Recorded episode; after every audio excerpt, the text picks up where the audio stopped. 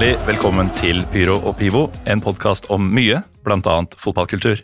Mitt navn er Morten Galaasen, og med meg i podkasten har jeg deg, Lars Råstad. Velkommen. Tusen hjertelig takk, eh, Morten. Jeg registrerer at du har eh, tatt uh, min faste introduksjon fra harde mottak og putta inn ditt eget. Jeg hadde tenkt å spørre deg om du merka noe spesielt med introen her, fordi du har jo hørt en del på Pyro og Pivo, og jeg tenkte at er det noen som skjønte hva jeg gjorde der, så er det han som pleier å gjøre akkurat det her. Ja. Og for de som ikke skjønner hva vi snakker om, så er du da programleder for en podkast som heter Harde mottak. Ja, uh, og dette er da første gang jeg er gjest i en podkast uh, noensinne. Til tross for at jeg har uh, vært med på ja, kanskje 100, 100 podkastepisoder. Og jeg har bl.a. vært programleder i episoder der du har vært gjest. Ja. For du har jo litt sånn, du har en blanda rolle i Harde mottak-universet. Du er vikar, du er gjest, du er Fast livemedlem. Ja. Vi har sånn, sånn session-musiker som alltid blir dratt inn når dere skal på scenen. Ja, for vi har jo hatt to live-podkaster. Eh, og uh, du har jo i hvert fall vært med på de to så langt. Mm. Og det tenker jeg er Oi, oi. du har ikke åpna øloftet før. Men var, uh, Ja, de kommer jo rett fra Altså, når du frakter pils i sekk, så går man litt sånn duvende gjerne. Ja, og da får de kjørt seg litt. Men du mener, Dette var jo ikke teknisk svikt når det bobler over? Ja, jeg har sett bedre teknikk også. det, ja. Men uh, når du Altså, vi kan jo si at Harde mottak er jo da en podkast om Lillestrøm sportsklubb. Ja. og lyttere som har vært med Pyro Pivo en stund, skjønner jo da hvorfor jeg har vært med der en del også. Men det er jo Altså, jeg har jo fått tilbakemelding noen ganger når jeg har vært med, på at det er litt vanskelig å høre forskjell på oss to. Ja, Da har vi et stort problem. Ja, for i dag er det jo bare oss to. Så det kan jo være at lytterne underveis uh, lurer på hvem sa det, hvem sa det. Ja, og så tror jeg ikke nødvendigvis at vi er så veldig uenige om noe som helst. Nei, det kommer til å bli ganske rørende enighet, både mellom oss to her, men jeg tror også mellom oss to og i hvert fall 99% av de som hører på ja, hva nå en sluttprodukt blir her. Fordi i dag skal vi på en måte være litt kontroversielle, men på mange måter ikke i det hele tatt, med tanke på hva slags lyttere vi tror Pyro og Pivo har. da. Um, og med det så kan jeg jo si at nei, vet du hva, vi må ta litt mer om harde mottak. Fordi mange har jo sikkert hørt harde mottak også. Og uh, en ting er at dere starta jo med å spille inn her, i akkurat dette studio. Uh, de første x antall episodene. Og da har jo du som programleder uh, hatt din stol, din faste stol. Som da vi fant ut nå, da vi gikk inn, er min faste stol når jeg er programleder for Pyro og Pivo det er, det er vrien dynamikk her i dag. Ja, og, du jobber jo da med altså, spesialpedagogikk. Mm. Altså kanskje litt rigide barn og, og, sånne ting. Så du var ganske tidlig ute med å tilby deg at jeg, som den klart mest rigide av oss to, skulle få lov til å uh, beholde stolen min. da. Ja, jeg har det med å velge mine slag. Men uh, det jeg egentlig skulle si angående harde mottak, er at de som har hørt det, har hørt at det er mye snakk om at det er jævlig dårlig drenering i Lillestrøm. At det blir mye overvann i gatene og sånn. Um, og det blir det jo også på dassen, der dere spiller inn nå. Men var du på Martins før kampen på søndag, altså Lillestrøm-Vålerenga sist søndag? Nei, men jeg hørte at, at folk måtte gå på dass på andre puber og kafeer og sånne ting. Det er korrekt, fordi det er altså så dårlig drenert i Lillestrøm at det også gjelder pubene. Så alle pubene i lokalene til Martins, uh, er, nei, alle dassene, mener jeg, i lokalene til Martins, uh, og dem er det ganske mange av når de åpner alle lokalene og sånn. Alt rant over. Alt var tett i over en time. Og det er da på den uh, fulleste pubdagen de har hatt på sikkert 10-15 år. Nydelig. Ja. Men når vi først snakker om, om helga og, og, Martin, så kan vi jo nevne at av de to livepodkastene vi har hatt uh, sammen, så var den siste, eller seneste, uh, var uh, på lørdag. Mm. En slags derby-spesial. og hvordan vil du måtte, beskrive den seansen, Morten? Sa, kanskje sammenligna med dine egne liveopptredener? Hvis jeg skulle sammenligna med noen av mine liveopptredener, så er det nærmeste jeg kommer sist jeg var live, i Trondheim, episode 200, på et bryggeri. For da er jeg ganske sikker på at denne nesen var dritings før vi gikk på. Uh, og det var tydeligvis mange i salen også. Men uh, forskjellen fra det til det som foregikk på lørdag på Martins, da, var jo at uh, jeg har i hvert fall aldri opplevd på den måten å miste kontrollen over et podkastpublikum på den måten at vi bare må gå av scenen og gi opp. Ja, nei, det var, det var spesielt, og, og dette ble jo faktisk uh, streama, uh, og det ble jo gjort lydopptak, og, så du kunne jo Altså Hvis det var forsvarlig, Ja, så kunne det det, nei, det kunne fortsatt ha ligget ute hvis vi valgte det. Uh, vi kunne gitt ut som en podkastepisode, men det var rett og slett Jeg tror det er best for egentlig alle involverte at Mm. det som skjedde der, blei på Martins. Ja, jeg tror definitivt det. Og med det så har vi vel snakka nok om, um, om harde mottak for denne gang. Men altså Vi spiller jo inn ordinær episode 205 av uh, Pyro og Pivo, og veldig ofte så veit jo ikke jeg på mandagen hva ukas episode skal handle om. Og da var det vel akkurat på mandagen, tror jeg, at uh, du la ut en Twitter-tråd som vel må være deg på ditt mest virale noensinne. Ja, jeg mistenker at det er en personlig rekord Ja. uh, i retweets og likes og Ja, for akkurat nå så har du da 84 vanlige retweets, 30 sånne sitat-tweets og 440 likes. Uh, og det er da en tråd om um, Ja, det, det starta vel med harnisk over eh, disse eh, ja, planene i anførselstegn om å endre seriestrukturen i norsk fotball.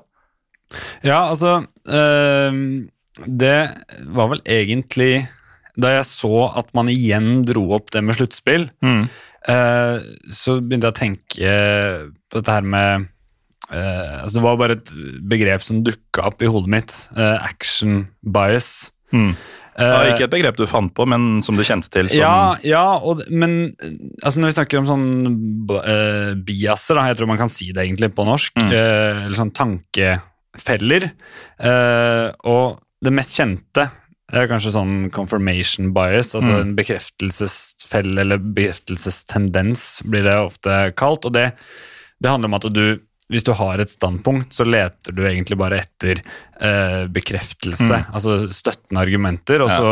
eh, kaninhull og ekkokamre og alt det ja, ja, ikke sant? Og, og typisk sånn eh, Hvis man ser eh, litt eh, altså Birgitte Tengs-saken, altså, som har vært en dokumentar, Mm. hvor politiet på en måte har bestemt seg for at det er, det er, det er fetteren, Mm. og så er på en måte alt som taler for, blir på en måte tatt til inntekt for uh, en siktelse og en dom, mens alt som kan tale mot at det var han, Mm. uh, blir lagt eh, til side, da.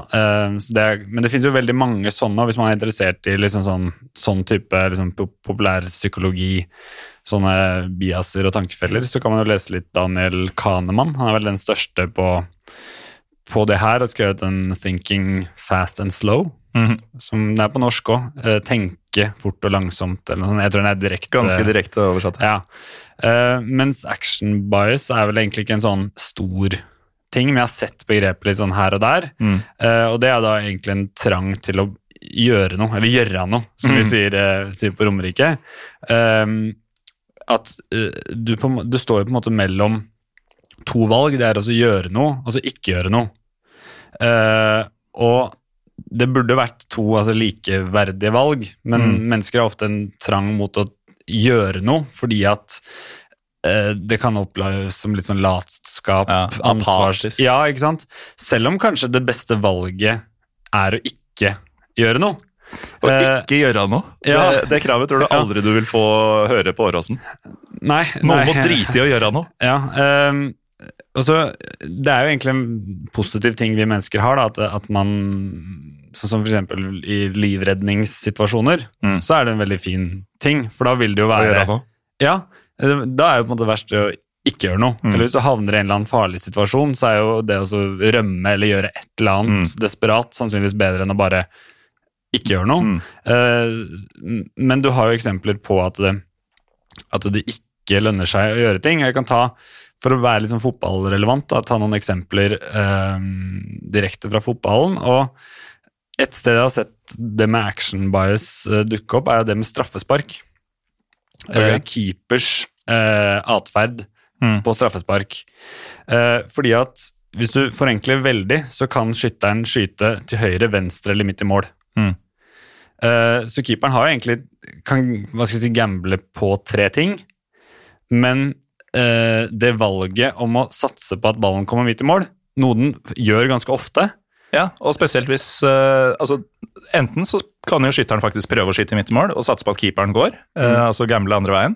Eller så kan han bare prøve på noe annet, men slå såpass dårlig at den havner innafor din rekkevidde Ja. om du er midtmål. Ja, så, Men der blir på en måte det å slenge seg til en av sidene Da har du i hvert fall gjort noe. Mm. Men hvis du blir stående og skuddet går til siden, så vil du på en måte kunne være gjenstand for kritikk i ettertid. Mm. Eh, men det er nesten litt sånn komisk at, at keeperne får liksom aldri kritikk, nesten, etter en straffesparkkonkurranse, Mm. eksempel. Selv om du kaster deg tidlig til en side, så er det sånn Ja, ja, men han har slangt Altså, ja, det er ikke Hadde han skutt dit, så han redda. ja, eh, mens de, noen, i hvert fall noen sånne straffesparkforskere og sånn mener jo at det mest lønnsomme er å prøve å redde ballen, punktum. Det vil si at det, når skuddet kommer, så går, hvis ballen kommer rett på deg, så tar du den jo selvfølgelig. Eh, kommer den i nærområdet ditt, så kan du redde med en refleks. Mm. Er skuddet litt løst, så kan du også til og med rekke deg å slenge deg ganske langt. Eh, du vil aldri redde de perfekte straffesparkene. Eh, hardt i krysset, hardt ned i hjørnet osv. Men, men de fleste straffespark er uh, altså tagbare, uh, hvis det er lov å bruke det, uh, det ordet. Så, det er lov her. ja, altså der, der har jeg sett det begrepet dukke opp. Da. Og så er det jo også i fotball Og det var kanskje enda verre i norsk fotball tidligere, det med at hvis du gjorde det litt dårlig, så måtte du sparke treneren og hente spillere, og det skulle liksom eh, røre veldig i gryta. Selv om det kanskje ikke alltid var det mest gjennomtenkt. Altså Noen ganger så vil det være riktig å sparke treneren, andre ganger eh, ikke. Men du får ofte veldig my mye mindre kritikk i ettertid, hvis du i hvert fall har gjort noe. Mm. Ikke sant? Du har prøvd, mens en, som, en klubb som står ved treneren sin, og allikevel rykker ned, får jo veldig sterk kritikk for å ikke ha gjort Mm. noe, selv om kanskje det var eh, det beste valget, og så slo det uheldig ut uh, uh, i det tilfellet. Da. Så, eh, så det er faktisk noe som er sånn typisk for fotballen, at du uh, skal hele tida gjøre noe. Ja. Um, og det jeg tenker på med, med NFF og NTF, det er jo at eh, der er du enten valgt inn eller ansatt ikke sant? for Mm. å si, forvalte norsk fotball. Og hvis det er jobben din å liksom, hva skal jeg si, styre norsk fotball, så er det jo naturlig å tro at, eh, at det er en sånn sterk trang til å gjøre noe. Mm. Ikke sant? Istedenfor å bare eh, hva, hva har du gjort, du som er ansvarlig for turneringer i NFF de siste fem årene? Nei, jeg, har- jeg har ikke gjort noen ting, jeg har bare latt det være som det er, for det fungerer dritbra.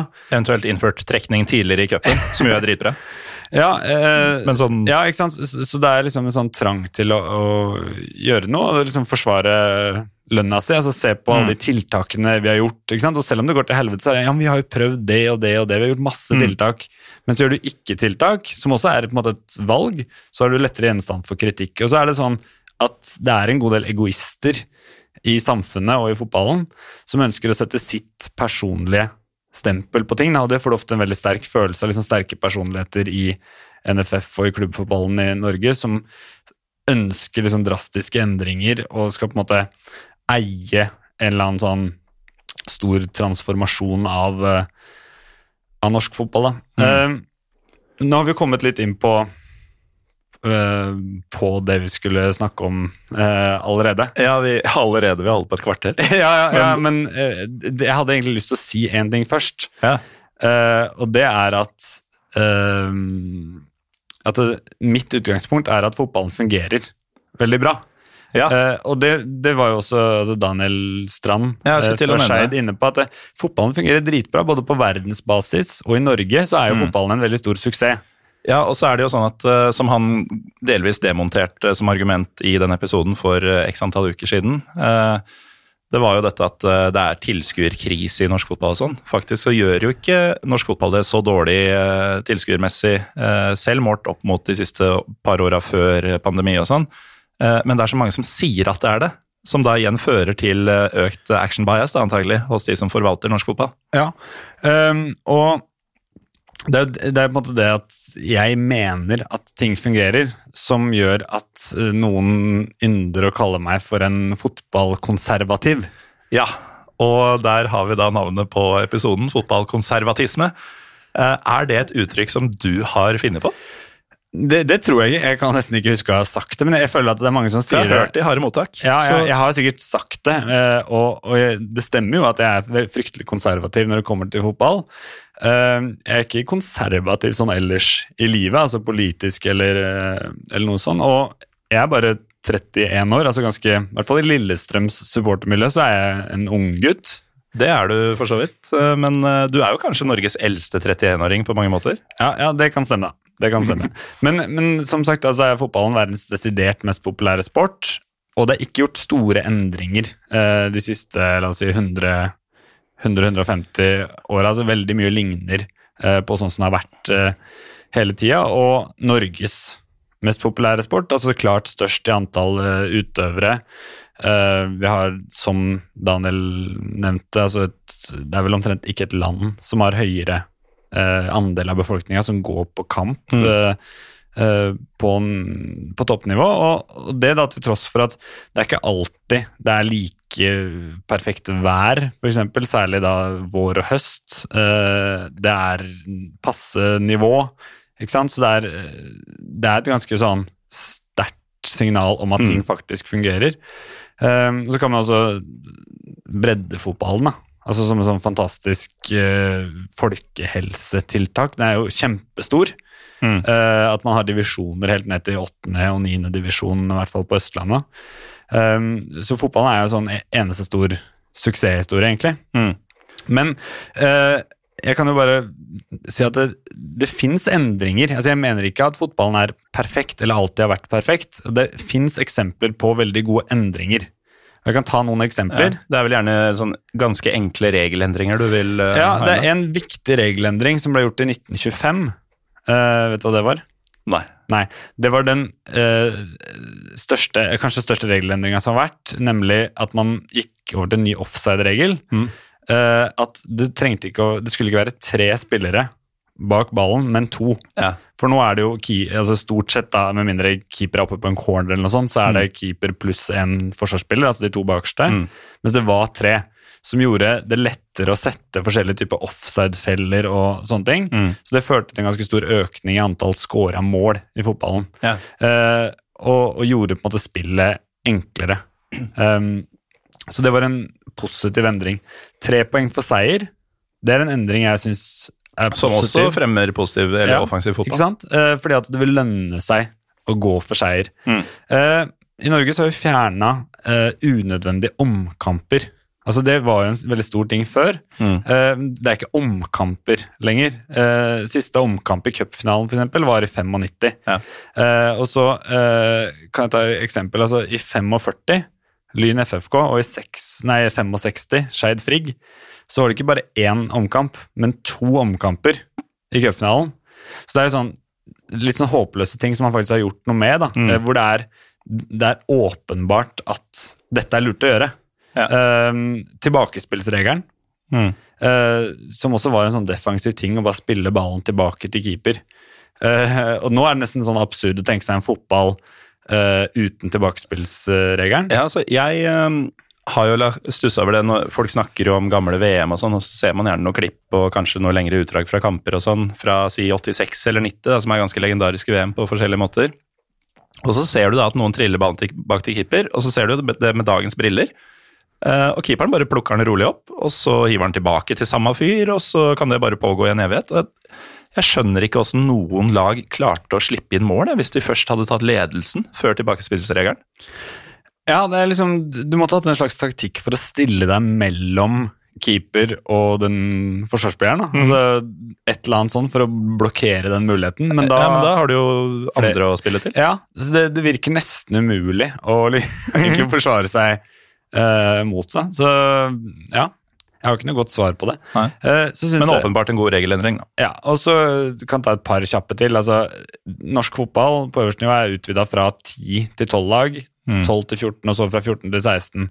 Og det er en logisk ting fordi at banene ble bedre. Altså nå, et, Den siste endringa um, fra 14 til 16 kom jo Mm. etter at alle fikk undervarme. Ja. Sånn at det var mulig å spille. Man har fått tribuner med tak, som øker Flomlyskrav. ja, publikumsopplevelsen. ja, flomlys. Uh, Og det var også en nødvendig utvidelse fordi at du hadde en veldig kort sesong som bare varte seks måneder. Mm. Så eh, seks måneder av, seks måneder på er liksom åpenbart kanskje en for kort Ikke kanskje, men det er en for kort eh, konkurransesesong. Ja, og en altfor lang uh, pause. Ja, og så eh, faktisk så har jo altså vinteren blitt litt kortere i Norge. Mm. Eh, trist nok. Eh, og så er det det faktum at etter kunstgress kom, så er jo alle enige om at hvis du er nord for Trondheim, så er det greit at, at Bodø og Tromsø og sånn har Mm. eh, kunstgress. Det er greit. Og alle disse tingene i sum har jo muliggjort det å ha 16 lag og en lengre sesong. Så det er på en måte det er jo en veldig sånn logisk grunn til at man har gjort de endringene. Eh, og, og det aller siste eksempelet som kan trekke fram, er noe som vi ikke har fått i Norge, men i mange andre land, mållinjeteknologi. Mm. At hvis det kan Jeg vet ikke om det er, så får du et elektrisk støt eller noe Ja, sånt. du får i hvert fall eh, et eller annet signal på, ja, Elektrisk støt er det på den dommerklokka. Ja, ikke sant? Sånn at du i løpet av, ja, nei, i løpet av eh, liksom et, et sekund da, får beskjed om ballen er inne eller ute. Mm. Det er, jeg tror ikke det er noen som er mot det. Nei. Um, Nei, da skal du være ordentlig ja, fotballkonservativ. så, så det som på en måte gjør meg sånn fotballkonservativ, da, det er at jeg er motstander av endringer for endringens skyld. Mm. Uh, det vil si endringer hvor det ikke er 100 sikkert at fotballen blir bedre av det, sånn som de jeg nevnte. Eh, hvis det er veldig mange argumenter for og mot, og man sitter og diskuterer og diskuterer, og diskuterer, så er det ikke åpenbart at den tingen bør innføres. Nei, det har vi så mange eksempler på. Det er det denne episoden her skal handle om. da. Ja, for Eh, nå har vi nevnt mye av det vi skal snakke litt dypere om. Ja, og ikke bare ja, litt, fordi ja, du men- har men så kan en jeg- jævlig bunke med notater. Ja, eh, og jeg, jeg er jo en forberedt fyr. Altså, eh, vi hadde jo altså, profesjonelle folk i studio. Altså, eller Ja, vi har hatt flere, men sånn som Gunhild Tollnes fra Eurosport Ja, i syns at vi hadde en veldig omfattende kjøreplan i harde mottak. Eh, Mente ikke du også at deres hjemmesnekra studio var bedre enn Eurosport? jo, jo, jo, jo. Så til å være en såpass liten podkast, så er det ganske proffe greier vi driver med. Så, Mm. så jeg kommer selvfølgelig uh, godt forberedt. Uh, Nor- eh, jeg, må, jeg må ta det her. Eh, Norge 1987. Uh, hvilke helt unødvendige dusteforandringer ble gjort i fotballen? Jo, det skal jeg fortelle deg. Da skulle fotballens venner, eh, egentlig fiender, de eh, hadde fått nok av uavgjort kamper og mente at uh, dette med tre poeng for seier, det var ikke nok. Uh, vi må faktisk avgjøre kampene uh, uansett. Så da var det jo ved enhver uavgjort seriekamp den sesongen, så ble det straffekonkurranse. Og det er duste. Ja. Altså, tenk, tenk å altså, Straffesparkkonkurranse er jo på en måte en sånn spesiell ting. Grunnen til at det er spesielt, er jo fordi at det er mesterskap, og det er altså cupkamper og sånne ting. Eh, Når du, altså, du spiller 0-0 hjemme mot Bryne, og så er det straffekonk. Altså Snakk om å på en måte vanne ut eh, et konsept. Og, og bare det å på en måte hente noe så veldig direkte fra en annen sport. da. At det er en veldig sånn hockey, da. Har vel mer eller mindre samme systemet. Um, å tro at liksom, du kan ta ting rett ut fra en annen idrett og forbedre en annen. Mm. Mye større sport. Eh, Det, det ligner jo litt på et av elementene vi skal snakke om, eh, etter, om litt. Ja, altså, eh, Du har jo sånne ishockeystraffer Mm. Eh, som USA eller MLS kjørte. er jo sånn ekstremeksempel på at det, det europeiske straffesparket er ikke godt nok, så vi må løpe fra midtbanen med Ja. ballen. eh, Som vel er en hockeystraffe. Ja, som er en hockeystraffe. Um, vi har ekstremt mange endringer i hands-regelen, som på en måte Det er jo forpesta fotballen. altså Alle er oppgitt over det.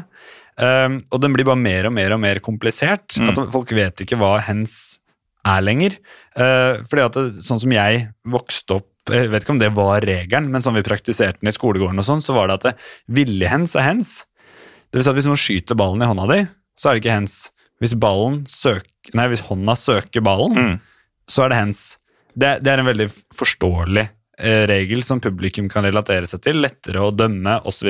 Ja. Og så Eh, kan jeg for så vidt gå med på at i tillegg, hvis du gjør deg større, da, uten at du Ja, aktivt at du- søker ballen, men at du Går ut i stjerne Ja, på streken, liksom. Da Ja. får du bare ta den straffa imot. Ja. Eh, så det hadde vært mulig å, å forenkle og ikke surre til eh, så mye. Eh, vi i Norge klarte jo å innføre gult kort for å hente ballen i målet Mm. for tre, fire, fem år siden. Som altså, ingen andre land hadde den regelen, men vi skal liksom Og det er så Jeg føler det er sånn typisk norsk å skulle liksom eh, finne på noe som er så utrolig lurt at altså, ingen andre har klart å finne på fordi vi er så smarte. Mm. Men fakta er jo at vi i- folketall og i størrelsen på fotballen er jo en mikronasjon, på en måte. Så du skulle Mm. tro at det, alle de store fotballnasjonene Har eh, tenkt på ting før oss. ja, ikke sant? Eh, og så selvfølgelig den der gult kort for å ta av seg trøya, så kan man på en måte diskutere eh, det, men, men det er jo også sånn at Daniel Gustafsson, for de som følger norsk fotball, han grisetakla en Vålerenga-spiller i, i det derbyet i foregående helg. Eh, gult kort. Eh, at det skal på en måte ha samme straffereaksjon som å i, altså, trekke av seg trøya Mm. i jubel. Eh, og det kunne godt vært sånn at eh, ok, hvis du somla med å få den på igjen, eller et eller annet sånn, Mm. eh, så kunne du få gult kort for drøying eller et eller annet sånn, men, men altså, sånn isolert sett det, Jeg tror ikke det er så mange som på en måte syns at det er en logisk regel, og du så også en i Stockholmsderby som ble utvist for, for å liksom eksplodere i jubel, da, trekke av seg trøya uten å ikke sant, så ble Ja, det det andre. gult fra før, Ja, det andre gjorde det. Og det, den regelen kom fordi at man ikke skulle ha budskap under drakta. Ja. Men så det, men gi kortet for å ha budskap, da. ja, men det som er greia nå, er at folk har budskap, drar opp trøya opp til haka, viser budskapet, senker den ned igjen, får ikke kort. Men hvis du drar av trøya og bare har baris Mm. eller sånn sports-BH, som alle har nå, så er det kort, selv om det ikke var noe budskap. Så det er på en måte sånn sånne, sånne type endringer da, som er Når Ja, intensjonen bak ja. åpenbart ikke treffer uh, Ja. det som blir konsekvensen. Ja. Uh, men uh, ja, skal vi gå på den store, stygge ulven? Ja, vi kan jo det. Hvilket punkt er det du mener vi har kommet til nå? Ifølge min kjøreplan er det var. Ja.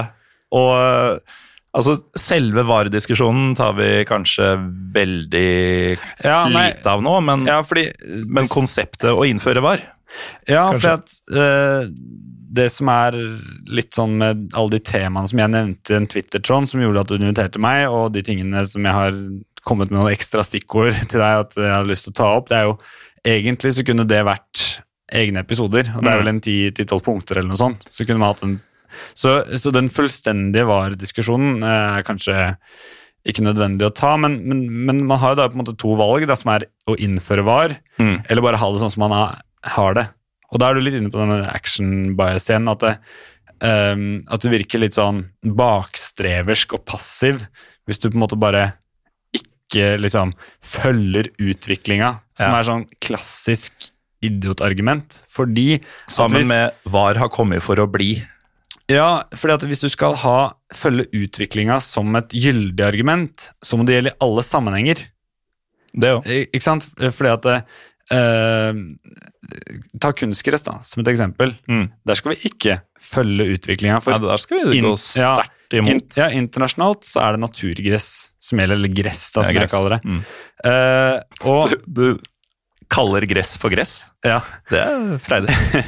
Eh, og så eh, ser du også at en trend internasjonalt er jo at uh, altså sånne morderstater og sånn eh, kjøper klubber og bruker det som leketøy, kjøper mesterskap uh, osv. Det er ikke sikkert at vi skal følge utviklinga og la f.eks. Nord-Korea kjøpe Stabæk. da. Mm. Eh, Det er ikke sikkert det er kjempelurt, bare for å følge utviklinga. Så du kan ikke bruke følge utviklinga som et, eh, argument hvis det ikke er allmenngyldig, da. Eh, eh, tenker jeg. Så eh, jeg skjønner at du kanskje ikke ønsker en fullstendig uh, VAR-debatt, men kan jeg ta mitt eh, blikk på det? Ja, ja. Sånn relativt eh, kjapt. At eh, jeg syns aldri vi har diskutert dommere mer enn nå.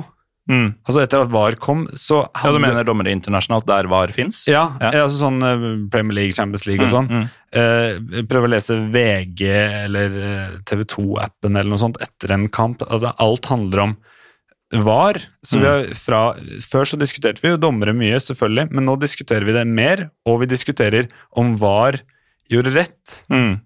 Ikke sant? Så det har ikke blitt liksom, det har ikke blitt noe fasit, det med VAR.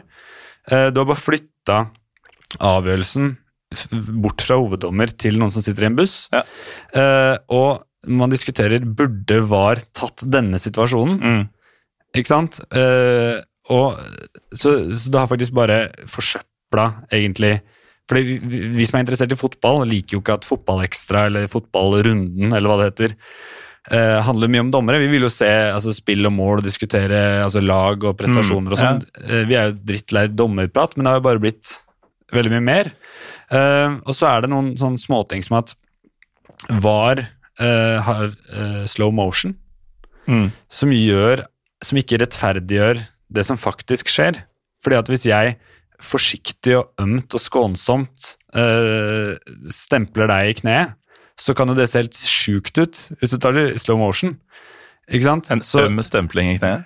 ja, nei, nei, Hvis jeg forsiktig bare strekker Ja. fram foten nå Mm. og tupper deg i kneet eh, uten noe kraft, så er jo ikke det en, altså, si, en alvorlig forseelse, men Mm. i slow motion så kan det jo se helt sykt ut. Uh, nå nå tar jeg, tar jeg litt, da, men uh, Jo, men det, det endrer jo bildet av hva som faktisk skjer. Ja. Og det kan gjøre det på godt, og det kan definitivt Ja, gjøre det på Og litt sånn at, at det er jo lov å være borti hverandre i fotball, i Mm. utgangspunktet. Og når du ser det live, så ser du på en måte hva som er innafor og ikke innafor. Mm. Men når du da ser en spiller som f.eks. filmer i slow motion, Mm. og du ser den lille dytten, så konkluderer du med at det er Ja, straffespark. fordi det er kontakt. Ja, men det er jo eh, lov å ha kontakt i Mm, ja, ikke sant? Men i eh, live så ser du om den dytten var en hard nok skump, da, Mm. for å bruke det ordet. Eh, og, og om det er liksom fra norsk fotball, hvor eh, altså hvor eh, Igo Ogbu eh, dytta til eh, noen eh, Kristiansund-spillere, Mm. så er det sånn at hvis du spiller det av i slow motion, så, så ser det jo veldig mye mer voldsomt ut enn Mm. det gjorde uh, live, fordi at du mister hele den der med kraft og, og den biten der, da. Uh, Ja. Så det er jo fortsatt Ja, fortsett. Nei, og det gjelder i offside-situasjoner også, dette med slow motion, fordi hvor du fryser bildet, altså fra et tidel til et annet, kan jo endre hele inntrykket av hvorvidt vedkommende er offside eller ikke når ballen spiller. Ja, og det, og det blir jo faktisk Og det sier mange at ja, men offside er i hvert fall svart-hvitt. Mm. Ikke sant? Det er det ikke, men, men Nei, det er det ikke, fordi at det, Altså, har ikke folk sparka en fotball før? Hvis du, ja, men hvis du sparker en fotball, så er det en kontakttid mellom fot og ball. Og den er ikke på eh, altså 0,2 sekunder. Nei, altså Akkurat hvor lang den er, vet jeg ikke, men den skal være, det skal være ganske mange 0-0-0-0-0-0-1 Mm. uh, altså mange nuller, før kontakttiden blir irrelevant. da. Ja. Uh, fordi at, la oss si kontakttiden er et hundredels sekund, da. Så har du fortsatt eh, muligheten til å fryse det bildet, altså rett før, rett etter. altså Du kan Mm. velge Før i tida så var jo TV var 24 bilder i sekundet, eller noe sånt, men disse slow motion-kameraene og sånn filmer vel veldig, veldig, veldig mange bilder Ja, det helt ekstremt. i sekundet, sånn at du kan på en måte eh, Du må ta et valg, og det er jo sånn at hvis to spillere spurter i hver sin retning i Mm. 30 km i timen, så på en måte eh, passerer de hverandre med en forskjell på 60 km i timen. Og en bil som kjører i 60 km i timen, den tilbakelegger en viss distanse på et hundredels sekund. Ja. Ikke sant? Så det kan være eh, både snakk om 10 cm og, og kanskje 50 cm da, Mm. på bare hvilket bilde du velger. Eh, Så da blir jo plutselig veldig stor makt. da. Og, og det, det syns jeg også er helt idiotisk med VAR, er at man da eh, Når det er umulig å avgjøre, så fortsetter man å liksom gjør det igjen og igjen og igjen, og så til slutt så finner man ut at et eller annet hårstrå var i offside, Mm. eller et eller annet sånt. Og det er ikke mulig å se altså med det fysiske øh, øyet. Um, Istedenfor å anvende den regelen som fungerte helt utmerket før, at hvis dommer er i tvil, så skal det komme det angripende laget Ja. til gode. Og det har jeg også øh, opplevd altså mot mitt eget lag, at det har vært 10 cm offside. Mm. Men jeg er jo klar over at regelen er Altså, dette var en tvilsituasjon. Ikke sant? Eh, Spill videre. Den kunne man brukt også i forbindelse med VAR, da, hvis man absolutt skal ha det. Definitivt. Og eh, et av disse greiene da var dukka opp sånn aktivt når det ble introdusert eh, i praksis i et par ligaer rundt om i Europa, så var det jo dette og utrolig mye mas om dette med clear and obvious. At det skal være åpenbart, altså direkte oversatt klart og åpenbart feil av dommeren. Og sånn brukes det jo ikke noe sted. Nei, øh, og vi, vi holder fortsatt på med subjektive vurderinger. Mm. Det er ikke objektive fakta, sånn som mållinjeteknologi, da, som jeg syns er helt sinnssykt at ikke blir innført lenge, lenge før Mm. var i det hele tatt. For det er en objektiv fysisk fakta om ballen er inne eller ute. Ja. Alt annet er en subjektiv vurdering. Og, og nå eh, har jeg ikke engang kommet inn på liksom hvordan dette her ødelegger tempo i kampen og stykker opp og sånne Mm. ting. Og vi har heller ikke nevnt altså, disse norske forholdene. Altså, vi skal jo ha en First Price-var. Mm. Vi skal ha færre vinkler, dårligere kameraer, alt sånn. Og vi sliter jo med nivået på dømminga i norsk fotball. Altså, tenk på, altså, hvem, Hvilken ubrukelig jævel skal sitte i den bussen, da? Ja, Er du ikke jo- enig med meg? Jo, selvfølgelig er jeg enig. Altså, hvem faen skal sitte i bussen? Ja, Det, det blei jo diskutert litt uh, sånn overfladisk i en episode for ikke så veldig lenge siden, og det er jo litt sånn Alternativa man kommer på, da, er jo dommere fra lavere nivå, fordi de beste er jo ute på banen. Eller eh, pensjonerte dommere som man ikke veit helt om har holdt seg eh, oppdatert på regelutviklinger og endringer. Eh, kanskje er de bokstavelig talt eh, Har de fått dårligere syn siden eh, de holdt på? Altså det, det er mye sånt. Så man har jo ingen gode kandidater, med mindre man skal fylle, skal outsource det til utlandet, da, hvor det fins en bedre dommerstab. Og så er det så typisk sånn norsk naivitet at det, jeg har sett det har blitt uttalt at vi skal ha sånn bra-var. Vi skal ikke ha sånn der som eh, Vi skal ha sånn EM-var, ikke sånn Ja. Premier League-var. Ja, ikke sant? At, det, at vi skal ha sånn som det var i EM, og der var det verdens beste dommere på banen og verdens beste dommere i Mm. bussen og 100 kameraer og alt på stell. Ja, og alle de 100 kameraene var bedre enn alle de 14 kameraene til TV 2. Ja, Men uansett, altså alle disse argumentene for mot var, eh, for meg så handler det om øyeblikket. Mm. Og da snakker jeg om øyeblikket med stor Ø. Ja. Uh, og veldig mange forstår egentlig ikke helt hva øyeblikket med stor Ø er. Og det er fordi de er TV-supportere. Ja, at det kan være at du eh, ser kamp på TV, det kan være at du faktisk er Altså mer en sånn, at du har en mer sånn faglig tilnærming til det. At du er spiller, trener, eh, ekspert, kommentator som kanskje ikke har noe lag. Eh, altså alt det der. Nå sier jeg ikke at, at ikke spillerne jeg, jeg sier ikke at spillerne ikke opplever en sånn rus lignende det supporterne gjør når de scorer, men, eh, men supportere har et veldig spesielt forhold til laget sitt og disse øyeblikkene som Mm. du vet hva er, og jeg vet hva det er, og veldig mange av lytterne våre vet hva øyeblikket med stor Ø er. Um, og det er liksom Men kan du ta et eksempel for de som eventuelt Ja, altså- ikke skjønner hva du snakker om? Ja, fordi det jeg snakker om er det som vi på en måte lever for, å gå på kamper år etter år, og så kommer det ikke disse magiske øyeblikkene, Mm. men til slutt så kommer det. Uh, og et eksempel som vi, ventet, vi to venta veldig, veldig lenge på, det er jo da etter veldig mange magre år, cupfinalen i 2017, Mm. um, hvor det er en, en eh, tett og jevn kamp. LSK leder 2-1. Eh, andre Som underdog? ja, det er i andre omgang. LSK spiller mot Kanarifansen. Det er 100-årsjubileet til klubben. Det er 25-årsjubileet til Ja. Kanarifansen den, 25-årsdagen, faktisk. den dagen. Mm. Eh, Frode Kippe har vært sjuk hele uka. Han kan nesten ikke gå. Eh, kraftig, kraftig influensa, men han har stabla seg på beina. Mm. Han har ligget nede med to hodesmeller. Og, han får, og den her kjenner sikkert de fleste til. Han har fått surra en turban rundt huet fordi at han har blødd. Og, altså, og da kommer han rett inn på banen til omtrent rett inn på en corner. Mm. Og når den corneren kommer, og du ser han stige til værs og nikke den ballen inn til 3-1 og et ganske sannsynlig NM-gull eh, til Rett LSK, foran LSK-supporterne. eh, så er det et øyeblikk eh, med stor Ø. Og eh, det som er viktig, er at jeg vil ha det øyeblikket 100 jeg vil, Mm. ikke, jeg vil ikke ha det 99 eller 99,9% Fordi at hvis du har var, så må jeg avvente Altså, jeg, jeg ville nok uansett jubla, Mm. men, Men måtte- ikke så Nei. vilt og Jeg- ukontrollert og Ja. uhemma Ja, som og, du gjorde. Og, og, og gjennomsnitts... Uh, hva skal jeg si Personen vet ikke helt hva det vil si å fortape seg så mye i et fotballmål. Mm. Um, uh, Og hvis, hvis det fins et snev av usikkerhet, så må du holde bitte litt igjen. Ja, og det Eh, kan du fort gjøre på en corner, altså. I hvert fall Ja. en corner som Frode Kippe Ja. inn. For han hadde jo ikke fri bane til, Ja. Uh, til headinga der. Og det, det jeg er redd for, er ikke først og fremst at jeg skal juble, og så blir scoringa annullert. Altså du, Da vil du føle deg lurt og snytt hvis du Mm. jubler for et mål som blir annullert to minutter seinere. Det, det er ikke bare det jeg er redd for, men jeg, jeg vil ikke ha den usikkerheten. Mm. Uh, og så har jeg en sånn forakt mot en spesiell gruppe mennesker, da.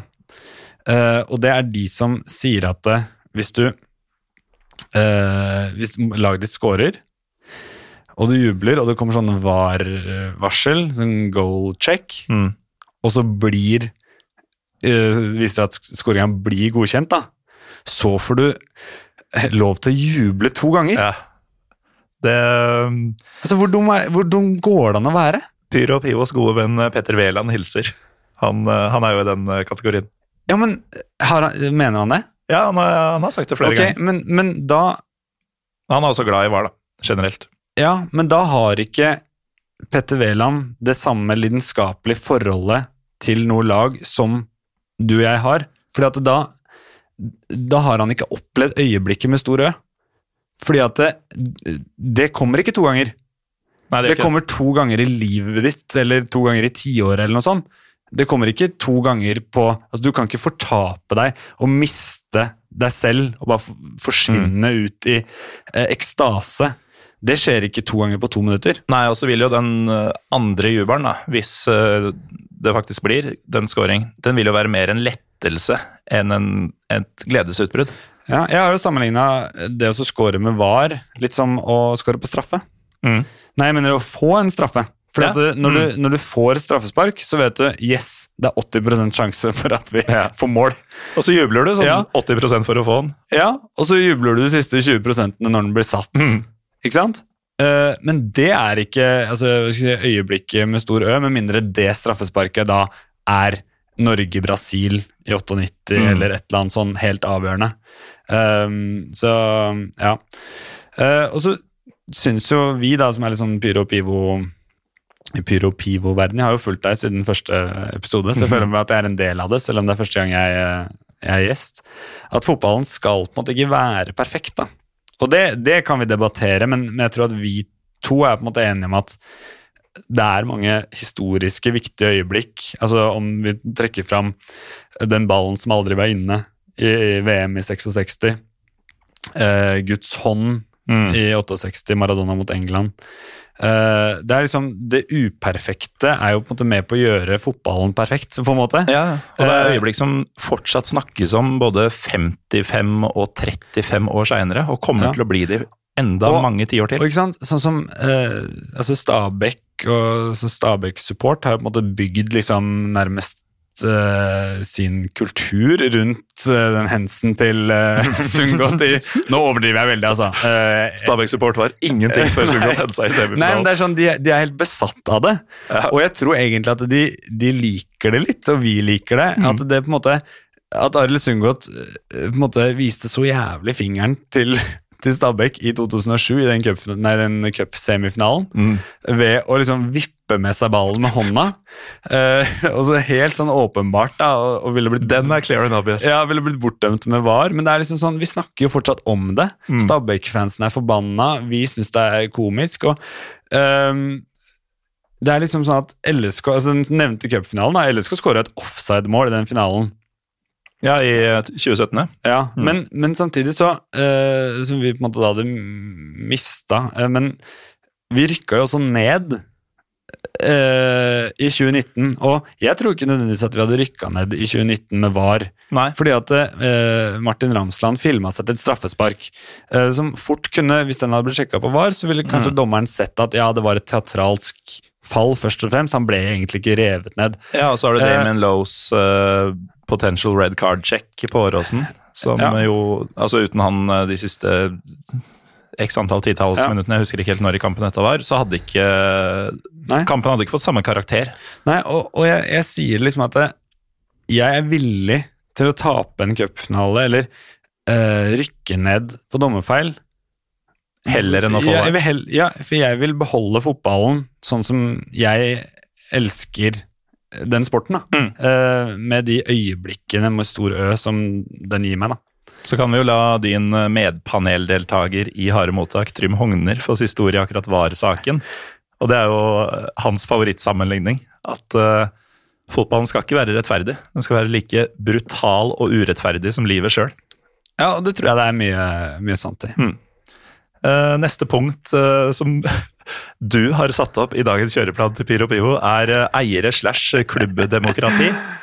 Ja, Du kan i hvert fall late som du ville ha meg her, da, at du på en måte stiller spørsmålene, og så kan jeg få det, det, var- jeg ville jo ha deg her. altså Det var Ja. jeg som inviterte deg. Ja, du, du ja, jeg, har, jeg, har, jeg har faktisk ikke bedt om å komme, men, men da du spurte om jeg kunne komme, så tente en sånn enorm gnist i meg. Og jeg hadde jo allerede tråden, ikke sant? men jeg hadde jo egentlig flere punkter. For dette var litt sånn Jeg, hadde, jeg, gikk ikke med den uh, tråden der i magen uh, i ni måneder, liksom. Jeg, det var jo en sånn impulsgreie. Jeg skrev helt uten å sjekke opp noen ting, eller bare hamra ut noen kjappe uh, tweets. Men da jeg fikk tenkt meg om, så var det jo enda flere ting som jeg på en måte ville nevne i forbindelse med fotballkonservatisme. Mhm. Ehm, og, og da ble jo notatene mine ganske omfattende, Ja. fordi at jeg har mye på, på hjertet. Så du har jo på en måte åpna en sånn Er det Sareptas krukke det heter? Jeg heter sånn, Pandoras eske. ja. For jeg tror, men eh, Pandoras eske, er ikke det liksom at det kommer litt sånn negative, fæle ting? Det kan det også Eh, ja, gjør det ikke- gjør det ikke jo, spørs hva du legger i ordet fæl. Altså, fæl For overriket ja. kan det bety hva som helst. ja. alt er fælt. Nei, men Sareptas krukke er vel sånn en uendelighet, og det er vel det Ja, sånn, først og fremst har fått, da. Ja, det har vi. Men eh, altså, du har jo Jeg har jo mottatt eh, punktet eiere klubbdemokrati. Du har jo x antall sider med notater, argumenter. eh, Nå ser det ut til å gå meget bedre med den jekkinga. Eh, Men jeg antar jo at eh, du skal slå et slag for klubbdemokrati og et slag mot rike eiere som kommer og spytter inn penger i klubber for at jo da, du, du blir større og du vinner trofeer og du får verdensstjerner og sånn, men til hvilken pris? Er jeg Jo, inne på noe? jo, dette, er, dette er jo for så vidt også med i hvert fall i en av tweetene, Uh, men jeg kan jo utdype det litt, da. Uh, og i 2015 så fremma NFF-styret et forslag om å gi aksjonærene større makt, altså det nærmer seg mer sånn eiermodell som vi kjenner fra, fra England. Mm. Uh, og i Norge så er jo eh, altså idrettens lover veldig sterke og tydelige, og så har man på en måte klart å komme seg fram til en sånn dualmodell, da, som en slags unntak fra idrettens eh, bestemmelser. Og, Kompromiss. ja, det vil si at du på en måte har en klubb, men du har også et AS, og så skal på en måte eh, AS skal ikke kunne eie altså, liksom spillere og, og den sportslige biten, eh, og, men de kan på en måte si, ha de kommersielle eh, delene av klubben. Og så skal på en måte klubbstyret være overalt. Det er ikke AS-styret som skal på en drifte klubben, men det ser vi at det fungerer helt forferdelig dårlig. Uh, og du, altså, du har eksempler på der hvor AS har gått langt over uh, sitt mandat. altså sånn Start er jo en sånn helt tydelig investorstyrt klubb. Du mener eh, klubben tidligere kjent som IK Start, nå kjent som Start en drøm? Ja, SED. Eh, FFK har jo alltid vært et sånt kaos eh, av ulike fraksjoner og sånn, deriblant altså AS-styret og klubbstyret. Mm. Uh, Godset har hatt veldig mye greier de siste par-tre åra. Eh, med Drammenspatriotene Ja. og uh, og, det- vil alltid være sånn at dem som kommer med penga, eh, skal ha makt. Kan fint snakke om Lillestrøm også opp gjennom Ja. tidene. Altså ikke dagens Lillestrøm, men eh, de to rundene med Per Berg eh, og sånn, hvor uh, Ja, penga eh, har sittet og diktert hvem som skal trene og ikke trene klubben osv. Ja, altså, eh, altså Veldig mange eiere er jo litt sånn humørsyke, eh, relativt kortsiktige, eh, opptatt av på en måte å få sin vilje, da. Som er jo forståelig i og med at det er deres penger. Men eh, Per Berg er jo et, et godt eksempel. eh, altså Det ble argumentert med at klubben hadde gått konkurs i 2003 hvis ikke han og et par andre investorer hadde kommet inn. Eh, det vet jeg ikke nok om til å på en måte, Mm. Om det faktisk hadde blitt en konkurs og, og, og LSK bare hadde forsvunnet fra kartet. Men han kom inn med mye penger, og det var oppgangstider i, i norsk fotball. Definitivt. Så til de grader. Så det er på en måte en sånn perfekt storm som på en måte Altså investorpenger kombinert med TV-avtale og hype og 9000 i snitt og Mm. um, LSK ble på en måte en, en av de store klubbene ble snakka som en sånn topp fire, topp fem. eh, Og ikke bare på liksom resultat. altså LSK har jo alltid på en vært en resultatmessig sterk klubb, men at LSK var eh, topp fire, topp fem på alt. altså Fra publikumssnitt til eh, sponsorinntekter, eh, økonomi, lønn. Ja. altså eh, ble en veldig, ja, ble en veldig stor klubb, og, og det ble jo noen cupfinaler og Royal League-finale og fjerdeplasser. og Det var jo en artig periode, på en måte, men det vi merka veldig godt, var jo da han mista litt interessen. eh, og det kom mindre penger inn, og man skulle kutte i budsjettene fordi altså hele den norske økonomien var jo i nedgangstider med Mm. finanskrisen, ikke sant? Og eh, selvfølgelig hans eh, selskap og, og formue, og han var også sikkert litt lei av at han spytta inn mye penger i et prosjekt som ikke ga Altså, han skulle ha seriegull, Mm. det ble ikke seriegull. Eh, gikk lei, uh, og så ble det på en måte en sånn veldig negativ spiral for LSK der man måtte kutte, kutte, kutte. kutte. Uh, han solgte klubben tilbake for én krone eller fire kroner eller Mm. hva det var. Eh, og så er det på en måte ettervirkningen av det har jo LSK slitt med i altså, nesten fram til i dag. Og Per Berg er en fyr som er oppriktig glad i Lillestrøm, men allikevel så gikk det på sett og vis gærent. Ja, når man Da- blander business and pleasure på den måten. Ja, eh, og da er det bare å altså, kikke til altså, Newcastle, for eksempel, da, hvor han derre Mike Ashley liksom virkelig kjørte klubben i dass, og du har klubber der hvor det er eh, altså, fra korrupte, kriminelle regimer. Eh, du har klubbeiere som på en måte bruker klubben som sånt leketøy, rett og slett, og det har du sett i, i eksempler på delvis de som har kommet inn i AS-en i Norge også. Uh, og, men sånn som i start, da, så er det jo helt klart folk med starthjerte. Men er det, er det liksom et godt nok argument når du ser på resultatene, at de virkelig har kjørt klubben Mm. uh, så mye til helvete? Og så er det en ting at når jeg nevner Newcastle, da, så er det I England så er det tradisjon at klubben eies privat. Mm. Det er den engelske tradisjonen. Eh, den norske tradisjonen er at klubber er altså medlemsorganisasjoner Nettopp. med demokratisk eh, altså Det kan sammenlignes med Tyskland. da. Ja, og i Norge så er det jo utrolig mange eh, fans av engelsk fotball eh, som er jo altså hodestups fortapt i Leeds og Liverpool og Manchester United osv. Um, og de sier jo selv at uh, shit, se åssen de gjør det i Tyskland. Hvor, hvorfor har vi det ikke sånn i England, på en måte? Eh, Dette er da nordmenn. Uh, som da samtidig kan gå ja, se en Start- eller Godsekamp eller hva det skal være, med, med en mer sånn engelskaktig variant. da, en, Eller lignende variant enn den ligner på den tyske.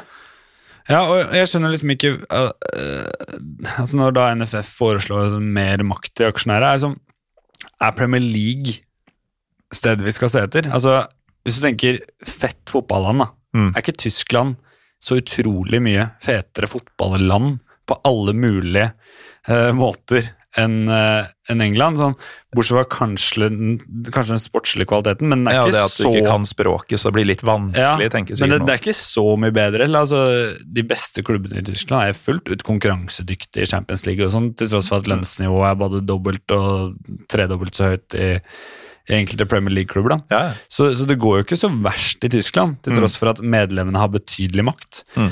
Um, et annet argument mot en sånn eierlinje er jo den konkurransevridninga du får. da.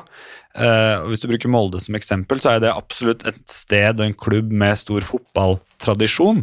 Og kunne helt fint vært, altså fortjent en plass i Eliteserien, men de har ikke gjort seg fortjent til å være en av de store klubbene i Norge. Mm. Altså, Molde skulle vært altså, mer sånn som eh, La oss si Haugesund eh, Altså kanskje noe på den størrelsen der, da. Mm. eh, som på en måte absolutt kunne hørt hjemme i en 16-lagsliga. Ja, men, men, sånn type sånn som de var kanskje på deler av 90-tallet, midt på 00-tallet, at de, de har noen gode sesonger, noen mellomgode sesonger, og en gang iblant går det gærent, og så kommer de opp igjen et år eller to seinere. Ja, men når du nevner 90-tallet og, og, eh, og 2000-tallet, så er jo på en måte egentlig den der pengegaloppen allerede i gang fra, fra Røkke og, og Gjelsten sin side. Så, Jo, jo, men, så vi må men da var Molde der Molde på en måte ja, da, kunne vært uansett. Da fikk de veldig mye penger Mm. uh, for å på en måte holde seg konkurransedyktig, og til dels underpresterte ut ifra de ressursene Mm. de faktisk uh, fikk. Men sånn på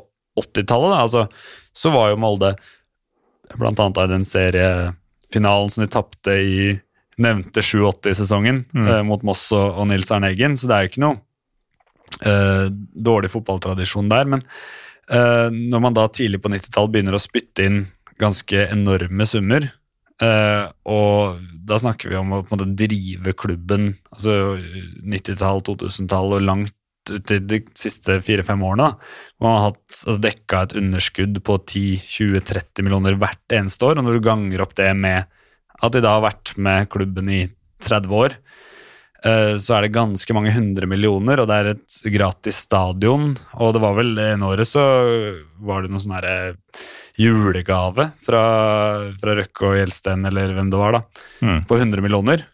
Husker du det? Ja, Ja, det var en sånn nyhetssak. Så det er liksom, det kan gå fort hende at det da blir dytta inn oppimot en milliard, da, som på en måte har kommet Molde veldig godt uh, Uh, altså Det har hjulpet dem veldig mye, og så har jo Molde faktisk blitt et sånn mønsterbruk de siste åra, sånn sportslig. Ja, Eh, for det er jo Én ting er jo å få masse penger som du i anførselstegn ikke fortjener. Men veldig mange klubber har jo fått det Mm. og skusla dem bort. Og Ja. det skal Molde ha. De har forvalta midlene forbilledlig. Ja, men de første 20-25 åra så forvalta de dårlig. Mm. Eh, men så fant de på en måte til slutt en sånn vinneroppskrift, og eh, ved å hente relativt unge, talentfulle spillere til en pris som andre klubber ikke har råd til, men ikke en sånn voldsom overpris heller, at du kanskje det er et stort talent i en annen klubb, henter for 4-5 millioner, selger videre for 20, eller 30 eller 40. Mm. Og så er det på en måte eh, ikke, altså Det er mange som kunne gjort det hvis man har hatt de 4 eller 5 millionene til å kjøpe den spilleren. Og ikke minst det at Molde får 40 millioner for spilleren sin istedenfor 20, det er fordi at de har råd til å si nei. Mm. Så Det er også en sånn kunstig at når du vet at milliardærer har ryggen din, så kan du si nei til bud som andre klubber. ikke sant? Så, så sånn sett så er det ganske enkelt å få til hvis du vet sånn noenlunde hva du driver med. Mm. Uh, det de har fått til, men nå syns jeg vi har snakka nok om uh, nok om Molde, egentlig. Men Ja. det, det som er med Altså, supporternes makt vil jo da forsvinne helt. Altså, du blir passivt sånn vedheng til liksom klubben din. Du får sånn maktesløst forhold til uh, klubben. At klubben din kan bli holdt som et slags sånn gissel da, ved Ja. en sånn eiervariant. og eh, det har jo en enorm sånn egenverdi å vite at klubben din er like mye Altså, du og jeg eier Lillestrøm sportsklubb like mye. Mm. Fordi at vi betaler medlemskontingent. Ja, og vi eier klubben like mye som de som styrer klubben. Ja, ikke sant? Og, og, og akkurat like mye som Ivar Hoff og altså de som Altså, du kan være ti år og melde deg inn i Jeg vet ikke om man har stemmerett eh, før en viss alder, men sånn hvem som helst kan melde seg inn, og du Mm. har like mye stemmerett på et uh, årsmøte. Og vi ser også det at eh, LSK nå har jo et veldig sånn stort og aktivt årsmøte. Og det ser vi også fantastisk engasjement i Rosenborg, Mm. Brann Ja. osv. Disse medlemsstyrte klubbene hvor årsmøtet er en greie. Mm. Ikke sant?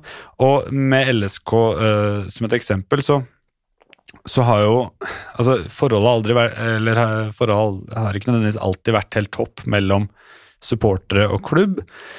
Men nå opplever jeg at liksom prosesser gjennom mange år, bl.a. blant annet på årsmøter, men også påvirkning gjennom andre kanaler, har ført til at liksom LSK er eh, på papiret og liksom eh, forplikta gjennom årsmøtevedtak for pyro. Mm. Eh, man har valgt å gå mot VAR uten at det er et årsmøtevedtak. Eh, man går rett ut og sier at man er mot sluttspill i serien, fordi at man vet dette er på en måte den fotballkonservative linja Ja. vi har valgt å, å legge oss på. da, eh, Naturgress. Mm. Eller gress, da. Ja. ikke sant? Eh, det er det vel faktisk et årsmøtevedtak på, at vi det, skal spille på det. gress. det er på gress, og det er på, um, på pyro.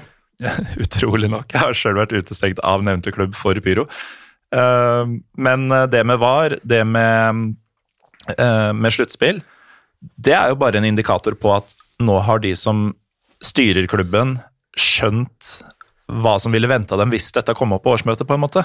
At eh, de kjenner nå sitt publikum eller sine medlemmer eh, såpass at de kan gå ut ganske sånn breialt og si at dette vil vi. Eller dette vil vi ikke, da, som, eh, som vi oftest sier. Ja, eh, og, det, er jo liksom noe vakkert med en klubb der du drar på bortetur i Europa, ikke at vi gjør det så ofte, men hvor da styremedlemmer står på bordet eh, på puben Mm. og gavler eh, supportersjanger. At det, og det er nok enklere å få til en tett kobling mellom klubbstyre og supportere i et klubbdemokrati enn Mm. det er i en, en mer sånn eier-AS-modell. og så tenker jeg at liksom, Det er så sært å være mot måte, demokrati, da. altså grunnverdien demokrati. Eh, det liksom, vi er et demokratisk land. Eh, vi har en tradisjon for demokratisk eh, styrte klubber. Og så er på en måte Norges Fotballforbund av alle eh, en, altså, Da i 2015 Jeg tror faktisk det styret trakk det forslaget, men da vil på en måte utrede liksom, eh, økt makt til aksjonærer. Mm. Og så tenker jeg at Hvis en klubb først går til helvete, om det er Lillestrøm eller en annen klubb, så er det i hvert fall bedre at det er demokratiet som har kjørt klubben i grøfta, da, Mm. enn at det er en, en eller annen eier, sånn som i f.eks. Start. Ja. Ja, Selv om det er jo på en måte for så vidt digg at Start er kjørt i grøfta, men jeg vil jo tenke at det, det er jo lettere å svelge en sånn kamel hvis det er et valgt styre, eh, istedenfor noen som på en måte eier klubben. da. Jeg veit ærlig talt ikke hvem av oss som lagde den halslyden for et øyeblikk siden. Det kan ha vært meg, og det kan ha vært deg. Men Ja, eh, men altså, folk, hører jo ikke, folk hører ikke forskjell på stemmene våre. Hvordan skal de høre forskjell på halslydene våre? nei, så vi får bare fortsette med, med halslyder.